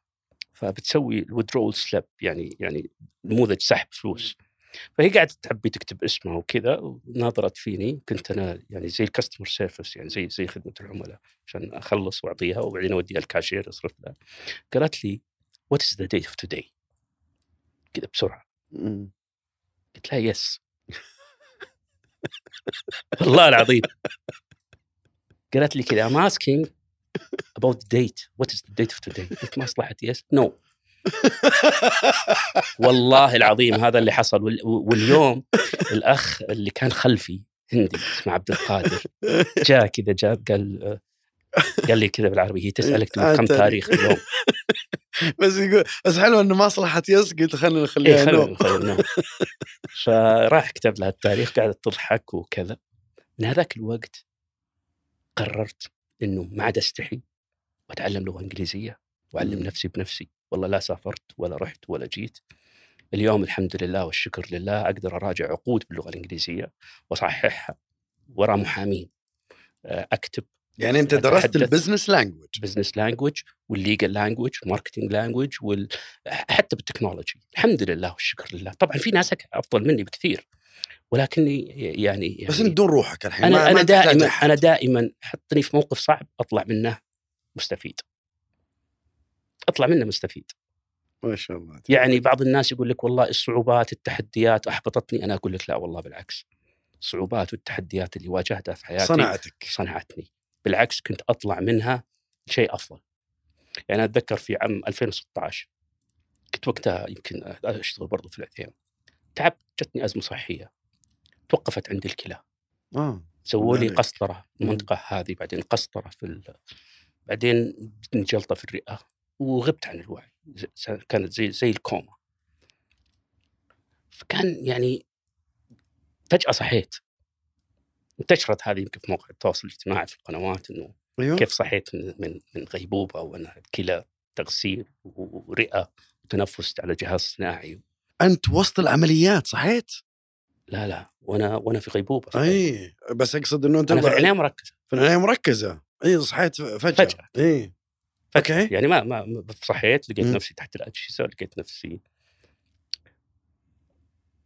وغسل كلى غريبة يعني ما عندي ضعف كلوي ما عندي شيء فكان السبب هو خطأ طبي قبلها بكم أسبوع إني سويت قسطرة مم. والصبغه فالكلى امتصت الصبغة وتوقفت عن العمل تماما. رحت رحله علاجيه في في ألمانيا ورجعت سبحان الله العظيم أفضل من أول، أقوى من أول آه، يعني آه، وربي يفتح لي يعني أبواب ال- ال- ال- ال- التوفيق على مصراعيه. وصحتي تحسنت والحمد لله. فأقول لك يعني كل الإنسان اللي تصيبه مثلا مصيبة أو أو يواجه صعوبة أو يواجه تحدي إذا استسلم لها تراها بتقضي عليه. ما في شك. إذا قال لا هذه أنا بطلع منها. بعزيمة بإرادة بقوة بعد توفيق الله سبحانه وتعالى. إيه، صدقني بيطلع منها. ايا كانت ايا كانت هذه المحنة هذه الصعوبة. إذا عندك الأساسيات اللي هي يعني يعني طاعة الله وبر الوالدين. يعني بر الوالدين هذا أنا أعتبره باب رزق مفتوح والإنسان لا يجب إنه يستغله قبل ما يتسكر قبل ما يتسكر وقبل ما يموتون. ومهما عمل الإنسان والله العظيم إنه مقصر. اليوم كيف علاقتك مع الوالدة؟ الله والله الحمد لله الحمد لله الله يطول بعمرها. هي هي أقول لك مصدر سعادتي بالحياة هذه.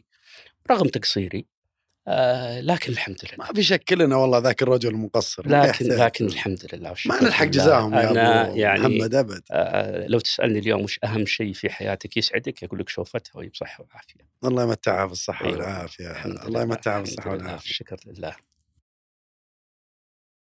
آه يقولون إن رجل الاعمال دائما صارم في قراراته حتى لو كان عنده هذا الحس العاطفي. كيف قدرت تفصل بين آه، يوسف القفاري الإنسان العاطفي اللي مر بكل هذه التجارب الجميلة اللي صنعت منه الإنسان وبين يوسف القفاري القائد اللي اليوم قاعد ينزل الشركات في ال IPO والله شوف يعني إيش هالقدرة ما شاء الله أنا أنا أقول لك شيء أنا أعطيك مثال يعني أعطيك مثال. أنا عيالي لا عمري تدخلت في تعليمهم ولا عمري جلست أراجع مع أحد. منهم دروسة, دروسة من الابتدائي. ولا عمري أعطيت أحد مكافأة على النجاح. أقول هذا شيء لك. ولا عمري تدخلت في أي واحد منهم إيش تخصصه؟ وين بيسافر؟ وين بيدرس؟ وين بيروح؟ وين بيقضي عطلته؟ وين بيقضي؟ له ميزانية ياخذها ويسوي فيها اللي يبي. أنا أتذكر ولدي محمد لما كان في أول ثانوي كان يقول لي أنا بسافر أدرس في اليابان. طيب راح أدرس راح. اليابان. أدري اليابان. هذاك الوقت يعني اليابان إيه جديدة جديدة و... إيه. وأعرف إنه ما ما, ما نعرفها الا في تصفيات كاس آسيا. ما أعرف ما ولا يتكلمون اللغة الإنجليزية لا إيه بالضبط في الياباني. إيه. فكان يتابع مسلسلات يابانية كرتونية. و... ويتعلم اللغة اليابانية ويتعلم اللغة اليابانية. وصل ثاني ثانوي وصل ثالث ثانوي تخرج. امتياز. قال لي بروح اليابان. والله معزز صادق انت إيه. قال لي والله بروح بدرس باليابان فعلا رح. يعني إيه كانوا تقريبا 90% من اللي يروحون اليابان يرجعون بسبب إيش؟ صعوبة اللغة لأنك مم. لازم تدرس لغة يابانية في البداية إيه. إيه. عشان تجتاز مم. اجتاز في وقت قياسي درس هو هو العربي الوحيد في مجموعة كلهم أجانب تخرج مع مرتبة الشرف و ودبل ميجر هندسة إلكترونية وهندسة كهربائية. ما شاء الله ما شاء الله. باليابان ف... كلها. اي اي رجع السعودية واشتغل هذاك الوقت كان اسمها هيئة الاستثمار بعدين صارت وزارة الاستثمار و... لما تشوفه يتكلم ياباني تقول هذا ياباني. كان يترجم الوفود اليابانية و... و... و... و... يعني ما شاء الله حتى fluent في اللغة الإنجليزية يعني أيضا يتكلم اللغة الإنجليزية و... واليابانية والعربية و... فأقول لك يعني أنا ما أتدخل في القرارات بالعكس أدعمها. واليابان كانت أغلى دولة في العالم ولا تزال. إيه، أغلى إيه. دولة في العالم. نعم. من ناحية السكن من ناحية المواصلات من ناحية الأكل الشرب كل شيء. وكان يعني هناك ما في مجتمع عربي اليابان ما عندهم أي ترفيه إيه، ما في انترتينمنت ما في ما في يعني ما الشعب يعني يعني جدي يطحن 24 ساعة إيه يعني ما ما عندهم عندهم نظام صارم. ولا في. فأقول لك تحمل يعني ست سنوات ونصف وهذا كانت يعني أحد التحديات اللي واجهت ابني محمد. يمكن لو واحد غيري كان قال لا ادخل الطب ولا تعال ادخل في جامعة هنا ولا راح أمريكا ولا راح كذا. الحمد لله. أنا أقول لك ما أتدخل لكني صارم معهم في الأشياء اللي تخصني. تخص الأسرة تخص العائلة لكن اللي يخص الشخص بكيفه. أنا على مستوى القطاع العمل أنا صارم فيما يخص العمل. لكني صديق للجميع. وأتعلم من كل واحد. ما والله والله بدون مبالغة. شفت التي بوي اللي عندي؟ والله العظيم إني تعلمت منه كيف أسوي تركش كافي أنا ما كنت أعرف أسوي تركش كافي ما كنت أعرف. عشان راح تسويها أنت إيه. لا لا عشان اسويها في البيت اسويها إيه. سافرت اسويها فعلا يعني لا تحقر أحد. حتى اللي أقل منك ترى عنده مهارات ما هي عندك. عنده معرفة عنده علم ما هو عندك. فدائما خليك مستمع جيد. تعلم من الآخرين آه، اشكرهم قدرهم استفد منهم. آه، أحيانا حتى بعض بعض آه، المهارات السوشيال الاجتماعية. يعني في ناس لما لما يجلس على على مع ناس كيف يحترمهم كيف يقدرهم كيف يقوم بالكبير كيف يجلس الصغير كيف يتواضع كيف يدخل كيف طريقة سلامة. كيف يكون بسيط كيف كيف كيف يركب السيارة كيف ينزل من السيارة كيف يحيي ال ال ال ال يتعامل مع ال- الجرسون كيف يتعامل مع صاحب البقالة كيف يتعامل. ترى هذه كلها سلوكيات مهارات. والله اللي يتقنها إنه تحس بمتعة. يعني في فرق إنك تدخل بقالة وتشتري خبز ولبن وتطلع في فرق بين انك تدخل وانت تضحك.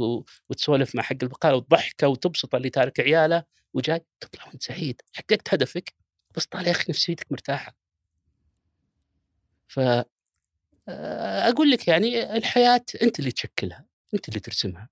مستقبلك أنت من يقرره أنت من يحدده. الأعمار طبعا أكيد بيد الله والأرزاق بيد الله. ولكن في الأخير الغني ممكن يكون تعيس والفقير ممكن يكون سعيد. سبحان الله آه، ال- الإنسان الناجح أو الناجحين لابد تجد صفة مشتركة بينهم. أنا واحد من رجال الاعمال أتذكر آه، كان يقول إذا رحت المطعم بغض النظر وش المطعم سبع نجوم ولا نجمه واحدة؟ اطلب موية واطلب مقبلات واطلب آه، مين كورس اللي وجبة رئيسية واطلب حلا. اطلب اطلب هذه كلها. أنت اليوم تراك أحتسب فيها إنك آه، آه، تساعد الناس الموجودين اللي اللي اللي اللي يشتغلون في هذا المطعم. نعم هو وتعامل هو إيه. هو هو, هو ابو عبد الله على نيتك. في بعض الناس يطلبها تفاخر. بالضبط. ومو ماكلها هذا تبذير أشكرك أبو محمد. في بعض الناس لا أدخل مطعم متواضع أشوف والله ناس يشتغلون وبقدرهم وأنا عندي إمكانية ليش لا؟ بدل ما أعطيهم صدقة أعطيهم بشكل غير مباشر. العطاء العطاء مختلف. ترى لذة العطاء شيء غير طبيعي. لذة العطاء غير طبيعية ما يجربها ما ما يحس بشعورها إلا من جربها. والعطاء ترى مو بس مال والله حتى لو ابتسامة والله لو كلمة حلوة والله لو تقول شكرا والله لو يا شيخ تعطي بال- بالإحساس بالمشاعر. تقدير اي إيه بالتقدير. مم. العطاء ما له حدود لكنه فيه لذة. آه، جبر الخواطر. يا أخي من سم. من أعظم العبادات. الله جبر الخواطر. الله تعرف إنه من أعظم العبادات. إنك تجبر بخاطر مسكين ولا ضعيف ولا موظف صغير ولا يا أخي والله العظيم أتذكر لما كنت أشتغل في أحد الشركات جاني موظف حارس أمن يعزمني على زواجه. وين؟ في جازان. في جازان. حضرت؟ حضرت. الله أكبر. والله حضرت. وبدون ما أحد يعرف رحت أنا لحالي. وكذا وكان في صعوبة. هذاك الوقت ما كان في حتى جوجل ماب. آه، ورحت حضرت وباركت له وطلعت. جبر الخواطر هذا حديث الرسول ترى هي ما صلى الله ما عليه وسلم. ما هي ما ما صنعت أثر عنده. عند كل الموظفين في الشركة. كل الموظفين. أثرها عليك أنت قبل. قبلهم هم كلهم. يعني يعني أقول لك لا لا أي شيء تقدر تسويه لا تقول ما له قيمة ما له معنى ما راح يحسون فيه. لا سوى وتشوف نتائجه. إذا ما هي عليك ترى بتجيك على أولادك بتجيك على أحفادك. حديث الرسول صلى الله عليه وسلم يقول لئن أمشي في حاجة أخي خير لي من قيام شهر كامل فيه أو كما قال صلى الله عليه وسلم. الشاهد هنا إنه أمشي جبر خاطر نعم وهي ما ممكن ما سوى ولا شيء بس جبر بخاطر صحيح, صحيح. عظيمة صراحة هذه الله يطول والله. ما شاء الله تبارك الله والله عندك حس إنساني عالي مرة صراحة أبو محمد الله يعني وأنا عليك. كل ما ودي أروح لل business صراحة متحسف على هال هال هال هال part هذا ما ودي أخليه. الله يرضى عليك. طيب نجي لل كيف تقدر يعني وسط هالصراعات في ال business شلون قدرت تزاحم الناس؟ والله شوف أنا ما شاء الله تبارك أنا- الله أنا- وهالشركات الضخمة يعني. أنا عندي قناعة مم. إنه أنا غير مؤمن بالمنافسة. أيوه. أنا أؤمن بالتكامل. يعني أنا عندي قيمة مضافة لك ترى أنت عندك قيمة مضافة لي. ما هو تحالف. تكامل. يعني أنت متخصص في كذا أنا متخصص في كذا كذا. أنا ما ماني قاعد أخذ من حصتك السوقية ولا أنت تأخذ من حصتي السوقية. ليش؟ لأن سوقنا كبير. سوقنا لا زال في احتياج. والله حتى اللي يزرع طماطم لا زال في احتياج. مستورد. كل شيء في احتياج. ما في ما في تقول شيء عندنا فيه اكتفاء ذاتي. سوقنا كبير. بالتالي المنافسة أنت تميز عن الآخرين. هذه هي يعني تميز. إما تتميز بالسعر بالجودة بالخدمة ب... بأشياء جوانب كثيرة. هذه لا تروح تشوف غيرك وش سوى تقول بسوي زيه يعني زي لما حد يجيك يفتح لك كوفي شوب يروح الثاني يفتح جنبه ولا نسخة منه. هذا ما عندك قيمة مضافة. وش اللي يخليني أترك هذا وأجيك؟ إلا الحظ. لا أبغاك تجي تسوي لي شيء جديد. شيء مو موجود. اليوم في صناعات عليها طلب كبير الآن ومستقبلا الرياضة الترفيه السياحة في مجالات كبيرة و ال supply chain حق الأشياء هذه كلها. يعني اليوم إحنا ما عندنا شركات تهتم بالضوئيات الصوتيات بنقل الحفلات بنقل المناسبات الرياضية الكبيرة. يعني إذا بنستضيف زي زي كأس العالم اللي في في قطر مثلا أو كأس آسيا أو أو كأس أندية العالم أو كل الشركات بتشتغل كلها أجنبية. كلها أجنبية. ترى إحنا نصور هذا اللقاء وأمس طلع آه إن إن كأس العالم للأندية 2023 بيقام عندنا في المملكة العربيه السعودية نعم صحيح يعني. صحيح. فأنا أقول لك يعني يعني هذه مجالات خصبة. هذه مجالات يعني يعني ممكن ممكن أروح أشارك فيها شركات عندها قيمة مضافة واجيبهم للسوق السعودي. اليوم كم عدد صالات السينما اللي موجودة في السعودية؟ في المولات كلها. ليه أنا صراحة ما عندي إحصائية ليه ما في عندنا صالات سينما متنقلة؟ يعني يعني وش ذنب اللي مثلا في المجمعه ولا في, في وادي الدواسر ما يحضر سينما؟ ليه ما يصير؟ في في موجودة في دول العالم كلها. اي بس يمكن يجيك تاجر يقول لك أبو محمد يعني اليوم أنا بروح أحط سينما في المجمعه ما يحضرها ولا عشرة متنقلة متنقلة. حتى المتنقله أروح أعرض فيلم في بعدين أنقلها لمكان ثاني. ترى تنقل بالسيارات زي زي إيه بس مو مكلفة. لا بالعكس. كيف؟ أنا بروح المجمع مثلا ما أحضر لي إلا خمسة ولا عشرة. ما لا شوف انت بعدين بروح ثاني مرة لضرمه ولا انت بروح مدري وين انت أنت لما تفتح المجال تذاكر ticketing الناس تشتري وتحجز مواعيد زي الطيران. بس هذول بدل ما يسافرون أنت تروح لهم. إي أنت تروح لهم تروح لهم. هذه زي زي يعني أنا شفتها مثلا في في كندا. تلاقيها زي تعرف المقطورات؟ إي زي زي الكرفان زي الكرفان ينفتح وكراسي وإضاءة و وسينما يعني أفلام واوت دور وممكن تكون إندور حسب الأجواء يغطونها و... وحجوزات. حتى حتى خمسة لما تروح وتخليهم يشوفون الدعاية والتسويق. خليك من هذه يعني يعني أنا مثلا أتكلم عن الأندية الرياضية الرياضة. اليوم كل النوادي الرياضية حقت السيدات ما فيها. إحنا قاعدين نعيش انفتاح عالمي على الرياضات. بالضبط. ما فيها يعني تدريب مثلا ألعاب دفاع عن النفس آه، بطولات مشاركة في في سلة في في طائرة في في في كرة يد في كرة تتكلم على ألعاب مختلفة يعني. ألعاب مختلفة أنشطة رياضية كل مختلفة. غير كرة القدم. اليوم الأندية الصالات الرياضية في المدارس الأهلية والمدارس الحكومية لما تشغل من قبل غير شركات؟ فعلا. لما تشغل من قبل شركات تجي وتدرب الأجيال والأطفال وكذا آه، وتعطيهم على البرامج الرياضية والتمارين الرياضية إلى متى بجيب مدرس تربية بدنية؟ آه، كرشته هالقد؟ مدرب رياضة. اي عشان عشان أقول لهم الطابور يمين يسار وفوق تحت. لا يا أخي السباحة آه، كرة الماء يا أخي رمي الشيش السلاح آه، الرياضة في مثلا يا أخي التدريب على على على الرماية الفروسية كلها هذه كلها أشياء رياضية. السياحة يعني عندنا عندنا عندنا مناطق سياحية جذابة جدا جدا جدا. عظيم بس تحتاج بنية تحتية، تحتاج استثمار، تحتاج دعم، تحتاج رعاية، تحتاج تبني. ما شاء الله عليه يعني صندوق الاستثمارات العامة بتوجيهات سمو السيد ولي العهد.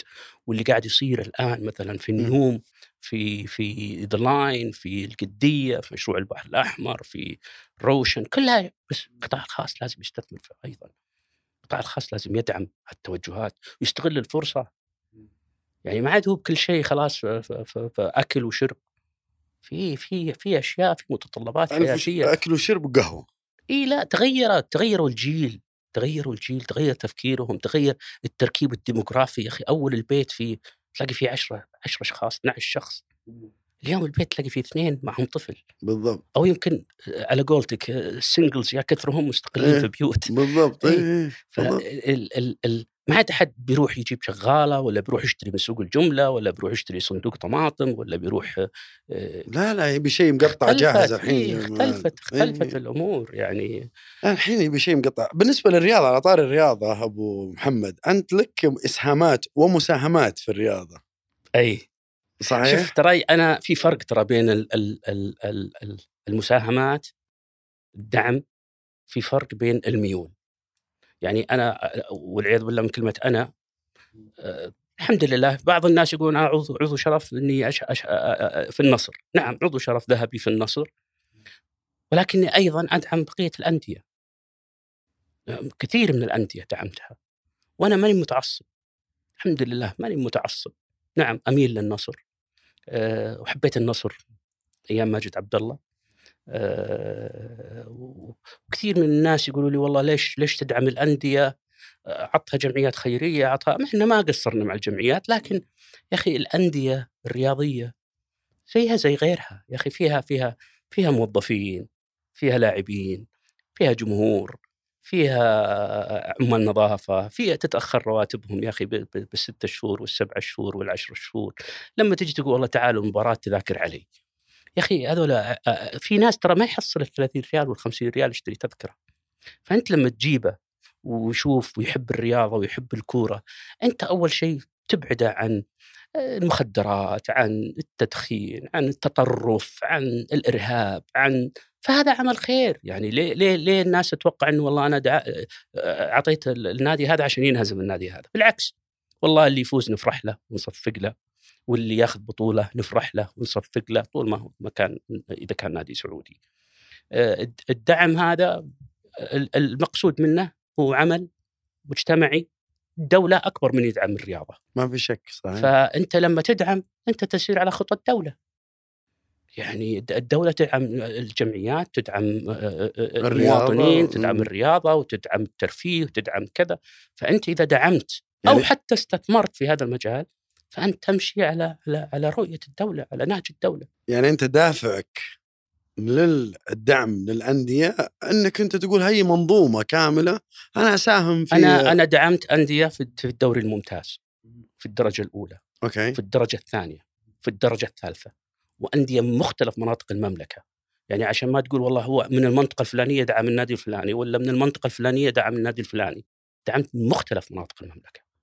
مختلف المستويات مختلف ال ال ال ال الرياضات. وأدعم على قدي.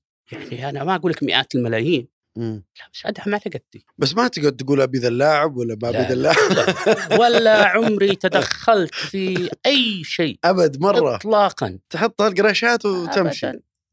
آه ممكن أقول لهم والله ترى هذه الفلوس تذاكر للجماهير بس. بس. إي ترى هذه الفلوس دعم ل- ل- لمناسبه فوزكم في كذا ترى هذه كذا تصرفوا فيها زي ما تبون لكن ما عمري اشترطت ولا عمري أصلا حضرت اجتماع ولا ما جمعية. ابدا. ولا يشاورونك؟ ابدا. ما ما يقولون ليه- لك إيش. رأيك ابو محمد؟ نجيب ما- ذا اللاعب ما- ما نجيب ما- ذا اللاعب. شوف العضو الشرف الفاعل هو اللي ما يتدخل في إدارة النادي. كيف فاعل ما يتدخل؟ فاعل إنك إدعم. بس. حتى لو هم غلطانين الله يقويكم. ما تدخل. إيش علاقتك تتدخل في في إدارة منتخبة خلهم يشتغلون زي ما يبون. ولو الترشيح تدخل يعني عفوا مو تتكلم إنك ترشح نفسك بس تتدخل أنت في التصويت؟ آه، كل كل داعم له أصوات على حسب آه، كميه دعمه نعم بس آه، هذه ما تشتغل على تسوي لوبيز لا وكذا ابد أبد لا لا. ما تدخل في هالدهاليز ابدا نهائيا. ابدا ابدا ابدا. ما أنا أنت رجال واضح. هذا قروشي والله سم. فاز النادي انهزم أخذ بطولة ما أخذ. في الأخير أنا يعني هو الدعم قبل كل شيء هو أول شيء وجه الله المجتمع والوطن وإرضاء لنفسي وذاتي وميولي فقط. يعني أنت ودك تشوف هالجمهور اللي ما يقدر يدفع 20 30 ودك تشوف ابتسامته وهو حاضر ذا المباراه يا أخي لو ما يجيك إلا يقول الله يجزاه خير بس هالكلمة. يا أخي والله الله يجزاك خير. الله يرضى والله عليك. الله يجزاك خير يا أبو الله محمد. يسلم عمرك ويبقيك. أبو محمد السي في حقك مليان شركات غير العثيم اي وش القصة أبو محمد؟ والله يا أخي أنا أول شيء عندي استقرار وظيفي ترى يعني يعني في شركات كثيرة اشتغلت معها وتداخلت يعني كنت في الثيم وأنا عضو في أبو معطي. أنا عضو في مجلس إدارة مثلا في أبو معطي من 2013 صرت عضو منتدب فترة بعد الإدراج بعد إدراج الشركة في سوق موازي ولا زلت إلى اليوم مع ابو معطي آه نقي عضو مجلس إدارة كنت عضو مجلس إدارة رئيس مجلس إدارة ال- ال- المتطورة وكنت أيضا رئيس مجلس إدارة الدولية آه، الموارد البشرية لين طرحتها واستقرت وخلاص يعني انتهى دوري. آه، مع إني مستثمر في الشركة يعني والمتطورة أيضا.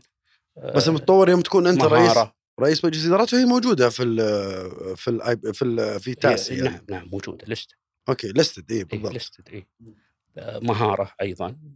مهارة أنت أنت نعم أدرجتها. أدرجتها في نعم في السوق سوق السوق الرئيس. التاس نعم نعم كانت من من من أنجح يعني قصص الطرح. آه، و- و- وأيضا أنا لا زلت يعني عضو مجلس إدارة في في شركات كثيرة على على وشك الإدراج ومستثمر أيضا في شركات كثيرة. يعني عندك العثيم يعني رصيدك فيه السي في حقك رصيدك العثيم مهارة. أبو معطي. لازورتي لا زورد لا زوردي كمان. نعم. ما شاء الله. أيوه. آه آه نقي متطورة. نقي متطورة. برضو كان لك يد في نزولها؟ لا كنت رئيس مجلس إدارة فتره مؤقتة. آه الدولية. نعم بس أنا- المتطورة المتطورة اي ما شاء الله. شركه مدرجه لست اي مش لستد هي بس أنا أنا عندي عندي كذا معلومة إنها من ما شاء الله من أكثر الشركات اللي عندها من أكثر الشركات اللي عندها س- يعني اليوم سيولة من أرباحها وكذا. والله شوف أي شركة صحيح؟ مساهمة أي شركة مساهمة عامة مدرجة أنا ما أستطيع أفصح عنها. لا لا مو بتفصح بس أنا أقصد إنه ما شاء الله عليك يعني أنت كونك كنت رئيسها ف والله يعني أنت تروح تخلي الشيء ما شاء الله راهي. الحمد لله والشكر لله. ما شاء الله تبارك نقي الله. الدولية الدولية أنا أدرجتها. الدولية الدولية للموارد البشرية. الموارد البشرية إي أنا راح بالي لوحدة ثانية. إي أنا أدرجتها وكنت رئيس مجلس ادارتها.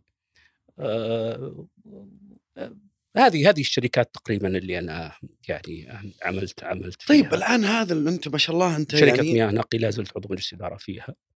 آه، طيب وش وش كيف كيف تشوف الآن كفاءة القطاع الخاص وخبرته اليوم في السوق مع اللي قاعد يصير هذا الأحراك؟ والله شوف بكل أمانة يعني القطاع الخاص قاعد قاعد يعني يعني يتطور بشكل سريع جدا. ال- ال fintech ال- ال technology ال artificial intelligence الذكاء الاصطناعي الأمن السيبراني كل هذه يعني يعني ستنقل القطاع الخاص في المملكة العربية السعودية إلى مستوى مختلف تماما. آه، السوق السعودي اليوم جاذب لا من حيث البنية التحتية لا من حيث التنظيمات والتشريعات والدعم بالاستثمار آه، لا من حيث الكفاءات المحلية يعني اللي موجودة ترى لا يستهان فيها. آه، اليوم السعوديين يعتبرون في القطاع الخاص من أعلى من أعلى ال ال ال الأجور على مستوى الشرق الأوسط. بس على مستوى الشركات أبو محمد، هل شركاتنا اليوم عندها القدرة والخبرة أنها قاعد ممكن تركب هالمواجهة بشكل سريع اللي قاعد والله؟ أنا أقول لك الغالبية نعم. الغالبية والدليل على ذلك شوف مثلا تصريح معالي رئيس الهيئة محمد الكويس ما نعم. يقول لك عندنا 70 طلب تحول لشركات مساهمة. 70 طلب يعني 70 طلب مكتمل. آه، قد يكون فيه آلاف اللي يشتغلون الآن من الشركات على التحول. التحول لا يعني يعني فقط أنه تصير شركة مساهمة لا التحول هو انفتاح ال capital market انفتاح على سوق المال. الاستمرارية الديمومة آه، ال- ال- ال- ال- ال- حوكمه ضبط الحوكمة الضبط الإفصاح الشفافية. تعودون شركاتنا انه يكون آه، منكشفين نعم. ماليا لكل العالم. نعم نعم. كل كل شركة عندها عندها equity story. إنه الكل يعرفها المستثمرين. آه،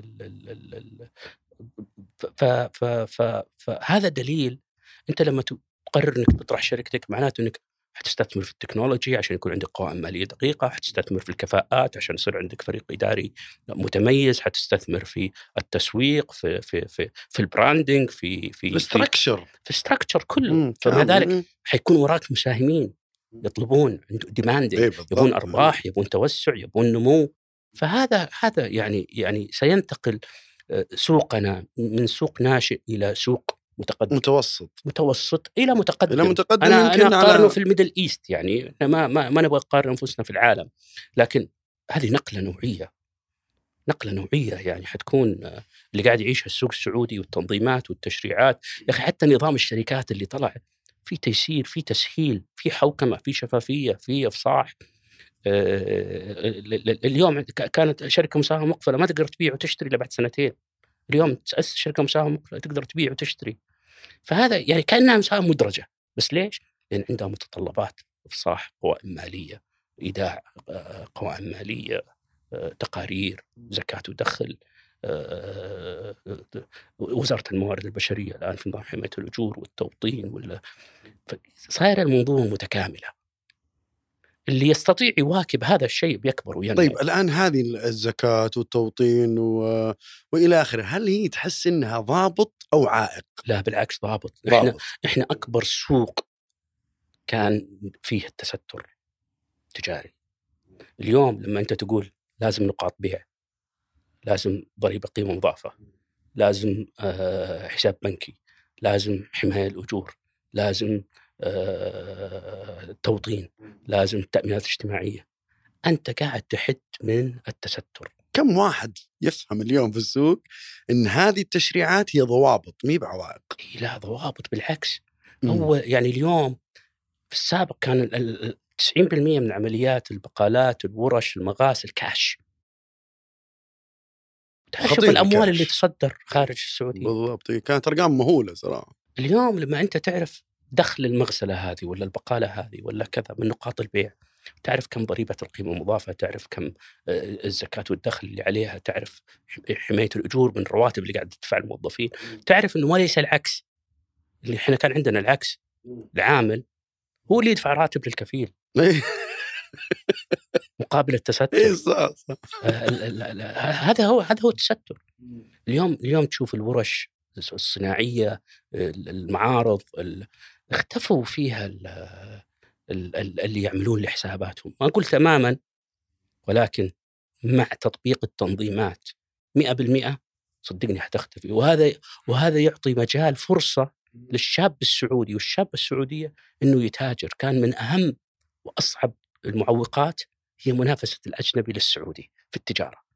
أنت ما تقدر اليوم تفتح محل اتصالات وجنبك واحد يشتغل 24 ساعة وينام بالمحل ما عنده مصاريف ما عنده شيء يفتح يوم الجمعة وأنت عندك حياتك. أنت عندك حياتك المجتمعية تبي تبي تبي تروح يوم الجمعة مع أسرتك تبي تقفل الساعة 8 بالليل تبي إذا أنا مريت من عندك ولقيتك مقفل وهذا فاتح بروح للي فاتح. لكن لما أحدد ساعات العمل أحدد أيام الإجازة أحدد مين يعمل ومين ما يعمل من كذا حاعطي فرصة طيب في ناس تجي تقول آه يعني آه يمسكون السعوديين ال- مثلا محلات الاتصالات يمكن يمسكون محلات مدري وش ثم ترتفع الأسعار. أول كان هذا موجود نرجع نصلح شغلة ب 150 ريال السعودي يوم اليوم دخل للسوق أعطاني إياها ب 350 و400 نعم. هذا هذا أرد عليه بأنه أيوة. في فرق بين إنك تدفع مبلغ داخل اقتصادك السعودي 150 يا أو. تدفع 50 ريال راح تهاجر.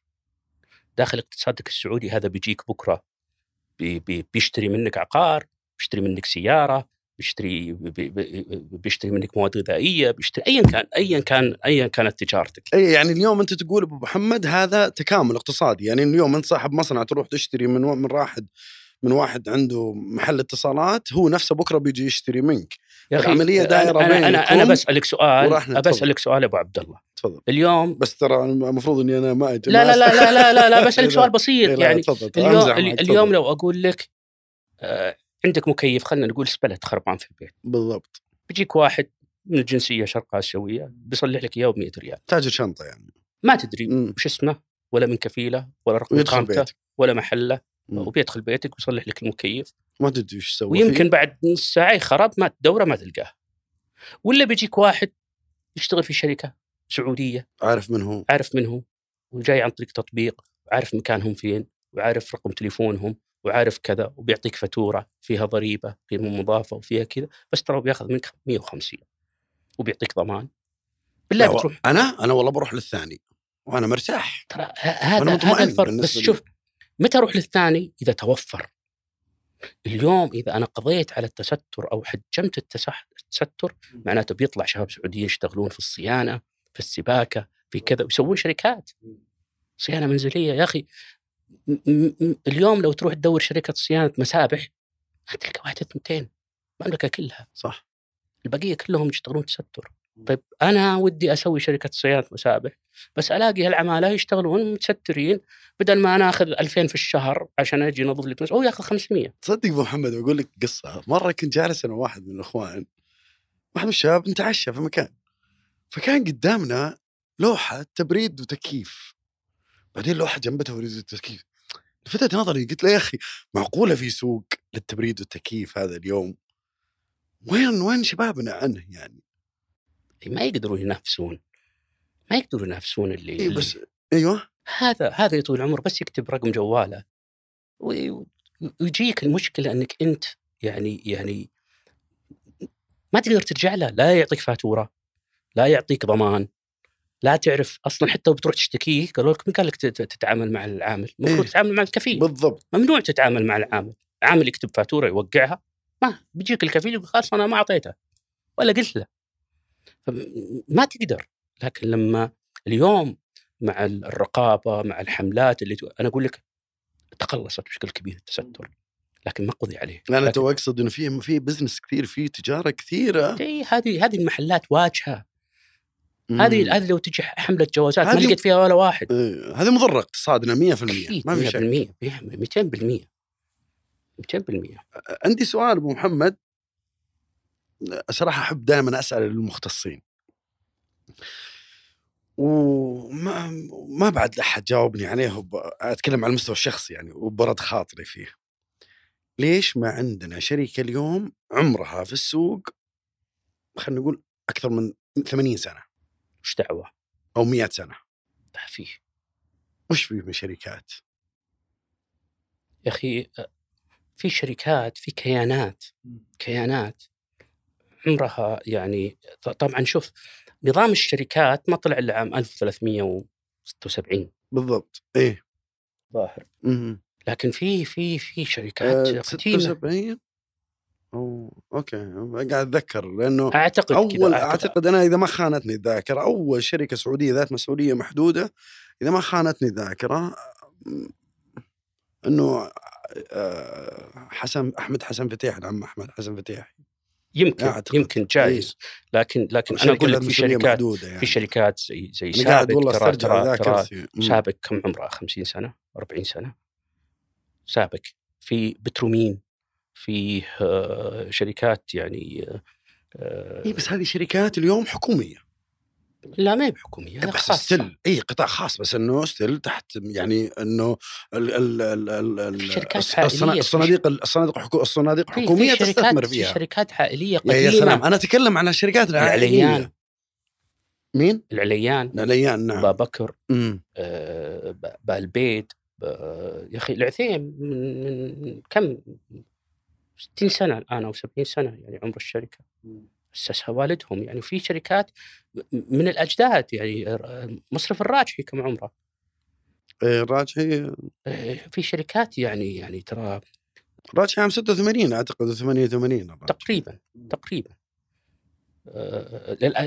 طرحت 88 طرحت إيه. لكن بس قبلها كانت مؤسسة كانت صحيح. مؤسسة للصرافة وكذا كلها تحولت يعني كيانات. في في شركات يعني كبيرة جدا شركات عائلية آه، السبيعي ال- طبعا أنت تتكلم عن عن مؤسسة وانتقلت من جيل إلى جيل إلى جيل وفي شركات لا تلاشت بسبب إنها ما تحولت لشركات. بسبب آه، اختلاف نظرة الجيل الثاني أو الثالث.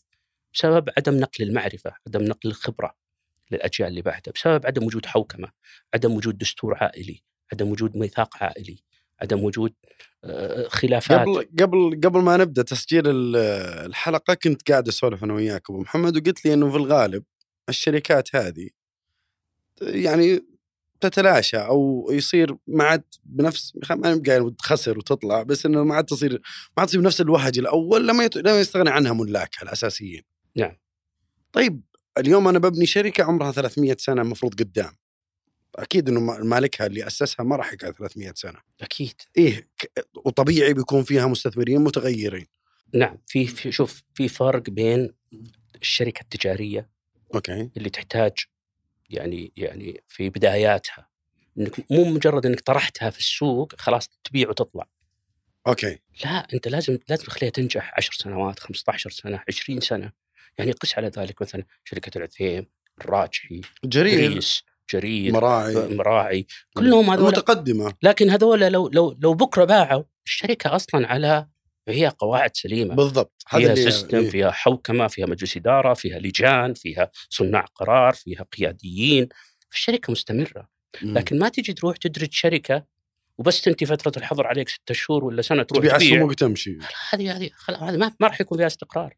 ولا راح يكون في ثقة من المستثمر فيه. أنت قصدك إنك لا تتخارج من الشركة وتطلع منها لا اليوم إذا أنا. إذا أنا واثق في ال business حقي والتجارة حقتي ليش أبيع؟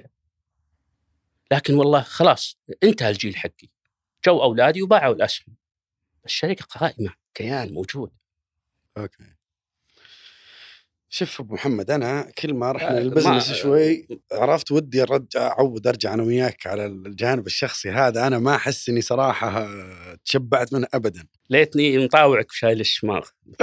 شيلها ما يخالف ترى عادي شغل-. الشاعر يقول شاب الشعر يا عبيد. أنا أقول شاب الشعر وطاح الشعر يا أبو عبد الله. ابدا شيلها شيلها راحتك آه، خلاص ما, ودي اخاف ما يعرفوني. يحسب إن إحنا عندنا التسجيل. طيب أبو محمد آه، ما جاك في اللحظات اللي مريت فيها صراحة يعني أنت مريت مواقف ب... يعني صراحة أنا أنا I proud of you صراحة أنا فخور جدا الله إني. والله أنا أجلس معك وأنك اليوم خصيتني أنا كفيصل مو بس على بياض أنا اليوم اعتبره credit لي أنا إنه أول ظهور لك في بودكاست يكون معي والله والله شوف أبو عبد. الله أنا مجرد ما عرفتنا أنت يا أخي وشدني اسم على بياض يعني على بياض على نقا على طهارة، نقا إيه. على صراحة. شفافيه بالضبط. ما فيها لا مجاملة ولا قد تتصنع ولا تقعد تقول ولا تدور الزين وتترك الشين لا. كلنا فينا عيوب مم. كلنا فينا عذاريب كلنا فينا آه نقص كلنا فينا لكن على بياض. الكمال لله. إحنا نبي نجيك الحين على بياض. ما لحظة كذا حسيت بيأس خلال هالتجربة ذي كلها. يعني ما جاتك لحظة كذا حسيت إنه مو قادر؟ لا والله بكل أمانة أبد. ابدا ولا زلت يعني ال- اليأس إنك ما لما تكون ما أنت قادر تسوي شيء. لكن اليوم أنا قادر أسوي أشياء كثيرة. اليوم يا أخي يكفي إني أقدر أقعد مع أمي أقعد مع عيالي أقدر أطلع للبر أقدر أروح استراحة. خليك من البزنس خليك من المال. خل يكفي إني أقدر لما أجلس مع أحد أعطيه رأي أعطيه معلومة أعطيه من العلم اللي عندي أعطيه من الخبرة اللي عندي أحس إني أضفت قيمة. اليأس إنك خلاص لما تجلس تقول أنا ما عاد أبغى الحياة هذه ما عاد لي قيمة في الحياة. متى ما حسيت إنه ما عاد لك قيمة في الحياة اليأس قد يؤدي إلى الانتحار إلى الإدمان إلى جوانب كثيرة. فالإنسان اللي يؤمن بمصطلح اليأس هذا دائما يطيح في أمراض نفسية يطيح في وفي أمراض يأسية. آه، أنت قبل شوي تقول لي أنت حققت نجاح أنا ما ما ما أؤمن بكلمة نجاح لأنه دائما يقول أنا أيوه. نجحت خلاص. يوقف. أنا أقول لك لا أنا في طريق لا زلت لين آخر لحظة بعمري أسعى للنجاح. المتعة في السعي. إي أسعى للنجاح. آخر شيء إنك تقول والله أنا مت إن شاء الله إني بدخل الجنة هذا هو النجاح. ما تدري شو يصير عليك بكرة ولا بعد بكرة ولا اللي بعده.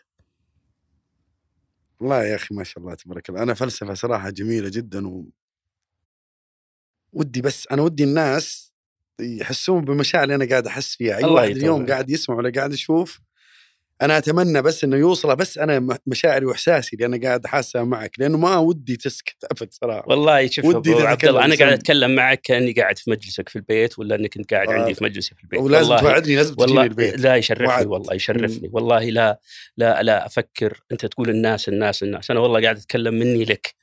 الله يستر. لا أروح أشوف الحلقة أقول ليتني ما قلت كذا ليتني ما لا قلت لا لا لأنه شوف أنا اليوم أنا أمثل كثير من الناس اللي يعني أحيانا حتى هم يكون يكون صغير في السن يعني عمره 25 20 30 سنة 35 سنة ويقول أنا مريت وعانيت وكذا. اليوم قدامه نموذج عظيم. إنسان مر ما يعني والله والله شوف أنا أتذكر يعني يعني لما كنت أشتغل أيضا في العتيم أنا عندي حسابي الشخصي في تويتر. فأكتب أشياء الناس يردون علي يقولون يا أخي انت كأنك تبي الناس ما تشتري كنت أتكلم عن السلوكيات الاستهلاكية السلوك. الاستهلاكي ثقافات التسوق مم. كنت أتكلم إنه يعني في أشياء أنت كثير تشتريها ما تحتاجها مم. في في في حملات تسويقية ترى وهمية في أشياء أنت تدخل في السوق تلاقي عليها عرض أنت محتاج حبة يقول لك ثلاث حبات بسعر حبة ونص تروح تاخذها وأنت ما تحتاج إلا حبة. فكانوا الناس يعتقدون إنه يعني كثير. حتى من ضمنهم فريق بالاداره عندي. إيش فيك كذا؟ يعني كأنك تقول للناس لا تشترون. أنا أقول لك نعم لا تشتري إلا وفق ميزانية. لا تستهلك في البيت أشياء. ناصح أمين. إيه يعني يعني ليش تسوي بريق شاي وأنت ما تشرب الا بهالتين؟ يا أخي سوي في كاس. ليش تخسر ماء ما يعد هذا شاي؟ بخل؟ لا. أيوه. في فرق بين البخل وبين الترشيد ها وبين السلوك الاستهلاكي. أوكي. في بعض إحنا شعب للأسف ناكل بعيوننا. إيه. لازم صحن الرز واللحم والسلطة والمعرف إيش وكذا وكذا. لازم 36 نوع على الطاولة. لا لا وكميات كثيرة. يعني يعني أنا أنا أقول لك متى قد دخلت مطعم وأكلت كل الأكل اللي على الطاولة؟ ولا متى في بيتك تغديت ولا تعشيت ولا فطرت وأكلت كل الأكل اللي على الطاولة؟ فأنا أقول لك رشد وفي أشياء أنت تلاقيك تشتريها عشان عليها عرض. مثلا يقول لك والله الحبتين بعشرة ثلاث حبات ب 12 تقول هو ثلاث حبات أفضل. وأنت ما تستهلك أصلا إلا واحدة في الشهر. وذيك بتذب بتذب الثنتين تخلص صلاحيته وترميها. إي ولا ولا ولا تدخل وأنت ما معك قائمة تسوق.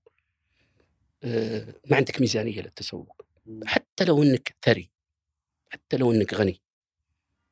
ولازم ما يكون عندك ولاء لمنتج.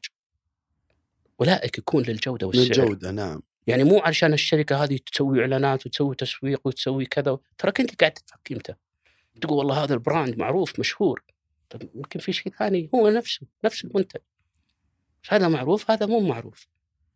هذاك طيب، عليه ال- تسويق وكذا أنت قاعد تدفع. طيب اللي مو معروف ورا ما يعرفنا عنه. طيب ليه؟ أنت قاعد مم. تشوفه قدامك. يعني أنا ما بعطي أمثلة. في في ممكن تروح حليب العلبة آه، أبو 1800 مثلا ب 50 في واحد ثاني ب 76 طيب. هم يمكن يتعبون بنفس المصنع. بس الاسم ما. مختلف. بس الاسم مختلف. هذا عنده إعلانات دعايات براند هذا ابو تسويق. 76 أنت قاعد تدفع الفرق. لكن أنا أقول لك جرب هذا. في الأخير بتلاقيه إنه فعلا حليب بودر مثلا. إيه يعني أنت قصدك تجرب هو ما مم. جربه. حتلاقي إنه الولاء يعني في فرق بين إنك أنت تكون عندك ولاء لأسرتك لمجتمعك لوطنك ل... بس ليش يصير عندي ولاء لمنتج؟ ليه؟ تعد غباء جدا تعد غباء نعم بعض الناس يعني أنا أقول لك أنا ماني مؤمن انه والله أنا ما ألبس إلا الماركة الفلانية ليه؟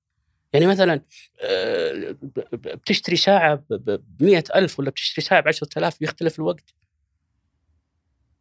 بيختلف لا ما يختلف طبيعي كيف راح يختلف ما راح يختلف. فأنا أقول لك في ف... ترى أنا ماني بضد إنه إيه، الإنسان يرفه إيه، نفسه واضح إنه واضح. الإنسان يعني أنا أتكلم عن بعض الناس اللي عنده تلاقيه إمكانياته محدودة ويروح يفكر في أشياء ترهقه ماليا. لا بال... لا باللبس لا بال... بالإكسسوارز لا بالسيارات لا بالسفر. بعض الناس يسافر عشان الناس ما يسافر عشان نفسه. لو بتسافر عشان أنا أقول لك أنا لو لو بغيت أسافر والله أروح البر أحسن لي. لو لو لو مو عندي أولاد وعندي زوجة وعندي بنية وعندي آه، كذا. عشانك سافرت قضيت أبو محمد. لا خلاص، بس أنا أشوف الناس لا بس. أشوف الناس تسافر عشان. تصور. الناس تدخل مطعم عشان تصور. أوكي. الناس تدخل طب ليش؟ وش تستفيد؟ وش افرض الناس قالوا wow بيدخل جيبك شيء؟ بيصير الأكل لذيذ؟ أبد. بيتغير طعمه؟ أبد والله. المنتج اللي أنت شريته بي- بيطلع يعني يعني مختلف؟ ينقص سعره بيعطونك discount ما ما في. سوق لهم أنت. ما في ما في يعني هي هي هو سلوك. هو سلوك والناس يعني يعني تتبع هذا السلوك. واللي يشذ عنه صار هو اللي يعتبر شاذ غريب. في في قاعدة في في حقين التسويق الظاهر اعتقد ما خاب ظني في أمريكا يقولون في شريحة من الناس يسمونهم هم يسمونهم ال 30000 مليونير أي. 30000 مليونير. اي يقول لك هذا اللي راتبه 30000 دولار بس يبغى يعيش عيشة مليونير. تلاقي ساعته ماركه وسيارته ماركه وكلها كريدت يعني. نعم نعم. هذا. لذلك أنت اليوم تقول لا خلاص عش هذا حدودك اشتغل عليها. يعني مو بلازم أنت هي راتبك يعني- مثلا 10000 تروح تشتري ساعة ب 100000 نعم أنا أقول مفهوم الرفاهية وش وش اللي يسعدك أكثر؟ أشكرك. بالله تفضل. إيش مفهوم الرفاهية؟ اللي يسعدك. ما هو اللي يسعد الناس. الرفاهية. إنك ترفه نفسك. ترفه نفسك كيف؟ يعني أنا أقول لك مثلا أنا أسافر لو سافرت لأوروبا هل أقدر ألبس في باريس ولا لندن شورت؟ وأنا كل شوي بسلم على واحد ولا كل شوي واحد جاي بلبس وبدلة وشيك وكذا؟ ولا لما أروح المكان في أوروبا أحد القرى أحد الأرياف وأطلع أنا لابس شورت وأنا لابس كذا وأنا لابس آه، بجزمة رياضية وأنا بشكلي بأي شكل كذا امشي مستمتع. ولا أروح أقعد على بيتش آه، ما يهمني اللبس ما يهمني أشوف أحد حتى لو شفت أحد هو مثلي. ففي فرق بانك تروح يعني يعني لندن وت- وتهتم لأن لأن الناس البيئة هناك مختلفة. أنت يعني الناس تقول لك سافرت لندن عشان يقولوا سافرنا لندن. لكن هل يشخصون إيه تشخيص هل هل تجد لذة الأكل زي ما تلقاها مثلا في في في مكان آخر؟ لا طبعا هل تجد ما ما ال ال الأجواء الحرية الفريدم ما في زحمة ما بعضهم في محمد يجي مغص لين جته الفاتوره تحسف إيه، على ذلك يعني مثلا أقول لك السفر رفاهيه إنت وش اللي يرفهك؟ الصخب ولا البحر ولا الموج ولا الجبال ولا التلفريك مفهوم ولا الرفاهية هو إيش؟ ها؟ مفهوم الرفاهيه قلت إيش؟ الشيء اللي يمتعك أنت. يمتعك أنت ولا يم... ما يهمك غيرك. أيوه ما يمتع الناس. ويمتعك ب... بالطريقة اللي تناسبك. وما يرضي الناس إيه. هي بالطريقة اللي تناسبك. مو الطريقة اللي تكلفك. مو بالطريقة اللي تزعجك. مو الطريقة اللي اللي, اللي تحملك فوق طاقتك. يعني أنا أقول لك أنا أنا الآن والله لو لو, لو تخيرني أروح أروح البر أقعد فيه أسبوع ولا أروح أي دولة في العالم أقول لك لا والله البر. مو عشان سافرت العالم إيه إيه. هناك ألبس اللي أنا ابغاه أكل اللي أنا ابغاه أنام متى ما بغيت أصحى متى ما بغيت آه، أسوي اللي أنا ابيه ما علي من الناس. مم. المشكلة لما تكون كل شيء تسويه عشان الناس. هذا المرهق. هذا مرهق جدا. هذا ماليا ونفسيا. مرهق. ماليا نفسيا اجتماعيا كل شيء كل شيء. حتى انعكاسها حتى على أهل بيته حتى, على كل شيء. يا أخي والله حتى لو بتسوي زواج ولا بتسوي عزيمة ولا بتسوي تفكر في الناس. أنا ترى ما أقول لك إني ماني منهم. بس انت تقول خلونا نخفف. خلونا نخفف. ساعدوني اخفف إيه ساعدوني اخفف يعني وش المشكلة؟ لما انت تعزم تعزم واحد و... وتجلس انت وياه لحالكم تاكل تميس وفول ولا وش المشكلة؟ تلقى هو يمكن أحسن له من تحط له ذبيحة و... و... ولا آه، رز ودسم يمكن عنده كوليسترول يمكن عنده ولا شاورة يا أخي. بعشاك إيه، قضينا. شاورة. ترى إيه. يعني يعني انتهت سالفة إنه إكرام الضيف لازم تذبح له ولازم تحط له ولازم اليوم يا أخي أروح أحط بوفيه أوفر لي وأوفر لك والتنوع في الأكل وتختار اللي أنت تبي وأقل شيء إني لما أخلص اللي اللي بعد لو بروح أعطيه أنا مسكين ولا فقير ما حد لمسه يا أخي. كل واحد غرف والله أحسن واحد آه، ر- رفيق الرفيق الصديق المشترك بيني وبينك أستاذ عامر غفيلي ابو عبد الله إيه. أبو عبد الله يدق علي يقول اطلب لي واحد اثنين ثلاثة وأنا جايك في الطريق أطلب له ويجي. هذا الزين. يا زين أبو عبد هذا الله. الزين هذا الزين الله يطول عمره. والله يا أبو محمد الحديث معك مرة شيق الله يطول وأنا عدتها عمرك أكثر من مرة صراحة وعندي محاور كثيرة مرة. يعني متى تحس إنك اكتفيت كذا من الثروات من صناعة الثروات من ال business لا شوف ترى ترى صناعة الثروة ليست مال. ليست ليست فقط مال. أوكي. يعني أنا أقول لك لما لما لما لما تفضل. لما أساهم في في صناعة كفاءات هذه ثروة. لما أساهم في صناعة منهجية في إدارة عمل هذه ثروة. لما أساهم في آه، آه، صناعة أشخاص آه، يعني أنا أتذكر بدون ذكر أسماء لما كنت أشتغل في القطاع الحكومي كان في شاب طموح جدا جدا جدا. شاب. شاب صغير. ذاك الوقت كان عمره يمكن 18 ما كمل دراسته. تعرف إنه كان قهوجي؟ أيوه. اليوم هو director. director. director. شركة كبيرة. في قطاع حكومي كبير. ما كمل دراسته هذاك الوقت. آه أوكي. الحين خلاص كمل دراسته و تبنيته إيه أنت. أخذته عندي إيه. ما شاء الله. استاذنت من سمو الأمير. سلطان بن سلمان. السلطان بن سلمان إيه. الله يطول في عمره. آه أنا أتمنى أن يعني يعني بعدين يسمح لي آه هذا الشخص إنك تقول اسمه؟ آه بس ما ودي أقول لكن أتمنى إذا شاف ال- البودكاست هذا يأكد هالمعلومة. اليوم هو دايركتور. ما شاء الله. آه، الحمد لله يعني كان كان كان بالنسبة له يعني صعب هذا الشيء في البداية. بس قلت له تعال أنا بعلمك بنفسي أشتغل معك. بك تدرس بالمساء. انتساب خلص الكفاءة خلص الثانوي دخلت جامعة ترقى. اليوم يعني في قطاع حكومي director والله ما شاء الله تبارك يعني مو. مو مو مو بأخصائي ولا هو بمدير وحدة ولا هو برئيس قسم ولا بمدير إدارة director. director إيه director position high position يعني نعم. يعتبر يعني يعتبر يعني مركز كبير و... نعم، مم. نعم. الحمد لله. آه طيب. فأنا أقول لك هذه ثروة. سم إيه مو مو ترى الثروات ما هي فلوس. مو مو بدرهم ودينار. ما هو بدرهم ودينار. ثروات ما هي فقط فلوس. هي أشخاص. هي لا فلوس. ولكن في جوانب أخرى. يا أخي الإثراء العلمي، الإثراء العملي، الإثراء المعرفي، آه، الإثراء المجتمعي، هذه كلها ثروات. كلها ثروات. ما أبغاها تصير صراحة بطريقة تقليدية كذا توجيهك للشباب وكذا. لكني يا أبو محمد أبيك يعني فضلا لا امرا. إذا سمحت لي وأنا واحد منهم اليوم آه، تلخص لنا هذه التجربة بنصائح ب... ب... قل ما شئت يا رجل. شوف أنا المساحة لك. أنا أنا أتذكر في أولى الوظائف لي كنت كاتب كنت ما أعرف شيء. ما تعرف شيء. ابدا. مم. كاتب معنى كاتب يحط جيب الورقه دي يحط الورقة دي ويحط هذه هنا يحط هذه هنا. كان رئيس الحسابات في المكان اللي اشتغل فيه آه، من جنسية عربية.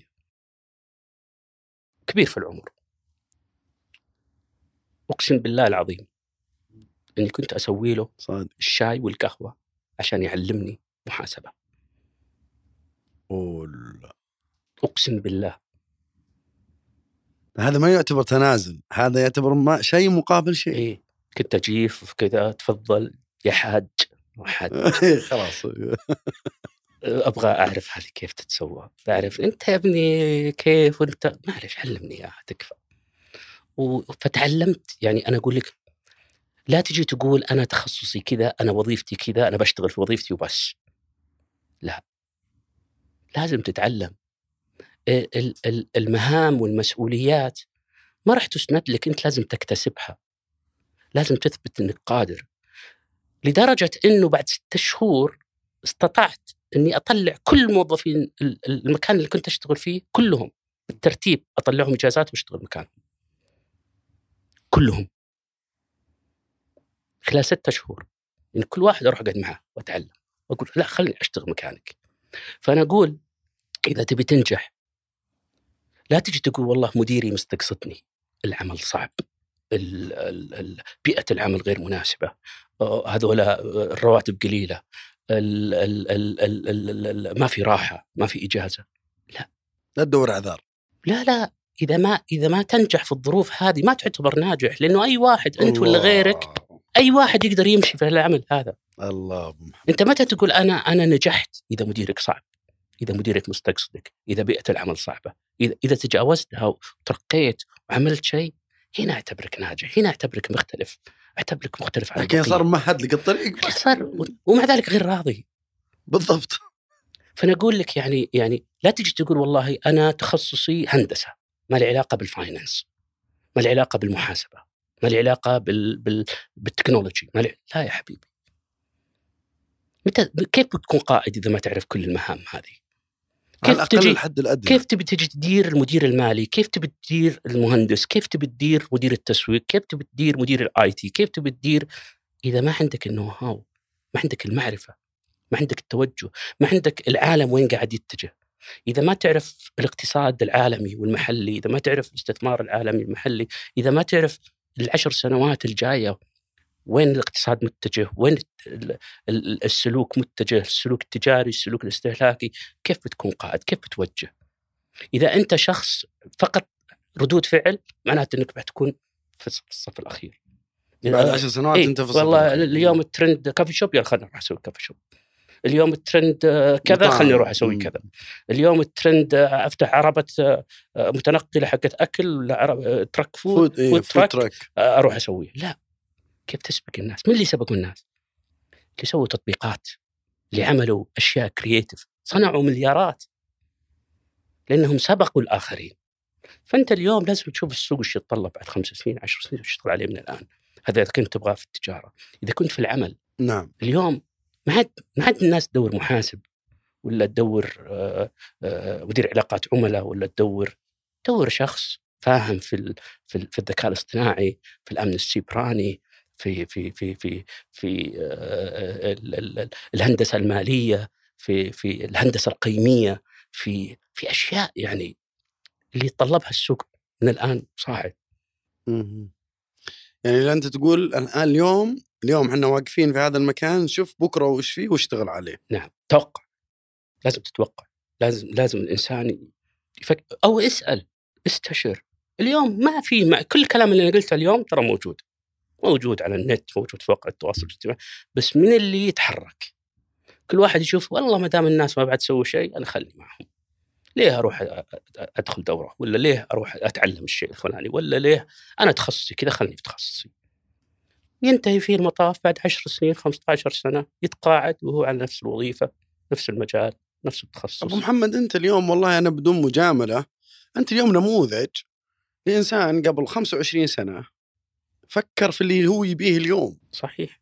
فاليوم أنت أنت قبل 25 سنة اشتغلت على نفسك عشان تصير أنت اليوم. فأنت اليوم نموذج قدامنا ناجح. أنا أم محمد تقول لي أم محمد تقول لي كنت أضحك. كنت ساكن في شقة يمكن ما تجي 100 متر أجار.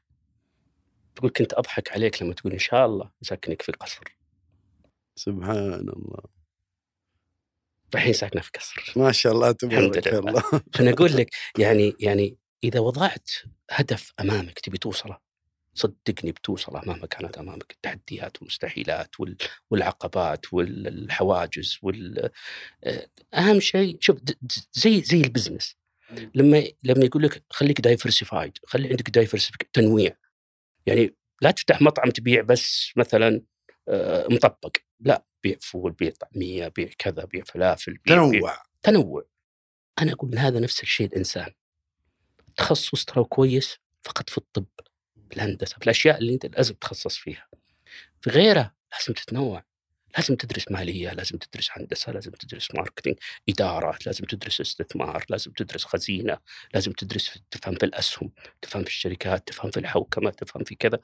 مو بلازم تروح تشتغلها تمارسها بس أخي افهمها اجلس مع الناس عندك متخصصين. خلفيات اي إيه تعال وش النظام؟ وش اللوائح؟ وش السلوكيات؟ وش كذا؟ وش ال- الشروط؟ وش ال- ال- القانون وتعلمها. عشان تطبقها مو عشان تسولف فيها في نعم، المجالس. نعم. اي بالضبط. ما تروح نعم، تشخص على الناس في المجلس لازم تسولف. أعرف القانون لازم أعرف في الأنظمة لازم أعرف في التنظيمات في اللوائح في الإجراءات. كيف كيف كيف يجيني واحد بوقع له على شيء وأنا ما أعرف في الأنظمة ولا في اللوائح ولا في الإجراءات؟ واحد يقول مثلا عطني شيك ضمان. مم. إذا أعطيت شيك ضمان هذه جريمة. بالضبط. جريمة. شيك يحل. الصرف. ما تعطي شيكات ضمان متى تقدر تسوي هذا الشيء؟ إذا أنت ملم باللوائح والأنظمة والقوانين. مطلع اطلاع كامل. أحس إني كثرت الكلام عليكم لا والله الله. أبو محمد يعني و- أنا أنا و- وريقي نشف ان كانت تبينا بحلقة ثانية ممكن نسويها بس. لا.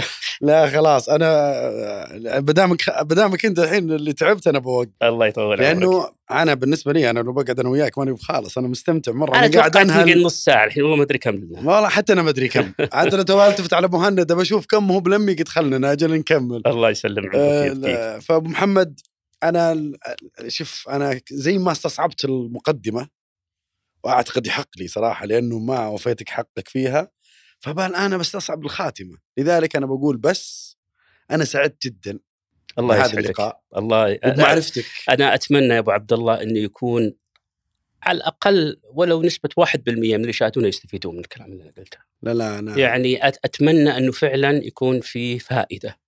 آه، النجاح والفشل والتحديات قد تواجه أي إنسان شوف أنا خبرتي المتواضعه في في في التقديم في البودكاست أعتقد أنت مو الناس راح أنت راح تكون مرجع الله يرضى عليك. طول عمرك هذا البودكاست بيكون مرجع بإذن الله لكثير من الشباب وكثير من الناس الله يسلم عمرك. محمد أنا سعدت بك الله يسعدك وشكرا لك على وقتك وشكرا لك على. قبول هذه اللي الدعوة أشكرك وأشكر فريقك اللي ما شاء الله عليهم يعني مهنيين وبحفاوة ال- ال- الاستقبال والتبسيط. الحمد لله يعني أنا أقول لك حضرت لقاءات كثيرة. كان ي- تعال نتفق على المحاور تعال نسوي تعال. اليوم أنا جاي ما أدري أصلا وش بتكلم عنه. بكل أمانة. الله والله. ما أعرف بتكلم عنه. فشكرا تحكي أنا ودانا تحت ما خليناك شكرا. لتحت الفرصة. آه ونراكم على خير بإذن الله يسعدك. شكرا أبو محمد. مرة أنا. شاكر وممتن. أكرر أنا لو بقعد أشكرك من هنا لين يذن الفجر والله لن أفيك حق. الله يبقيك طول عمرك. أنا حقيقة كنت سعيد جدا بهذا اللقاء المثري والمثير ومن أجمل أنا بالنسبة لي أنا أعتبره سي في. أنا أتكلم عن فيصل زياده اليوم هذا أحد إضافاتي الجميلة. آه، لا من ناحية هذا الإنسان الجميل والشخصية ولا من ناحية صراحة المحتوى اللي مثلا ما شاء الله اثرانا فيه أبو محمد. آه، كرر شكري لشركة مايكس. نادي الشباب. ونشوفكم في حلقة جديدة على بياض كونوا بخير مع السلامة.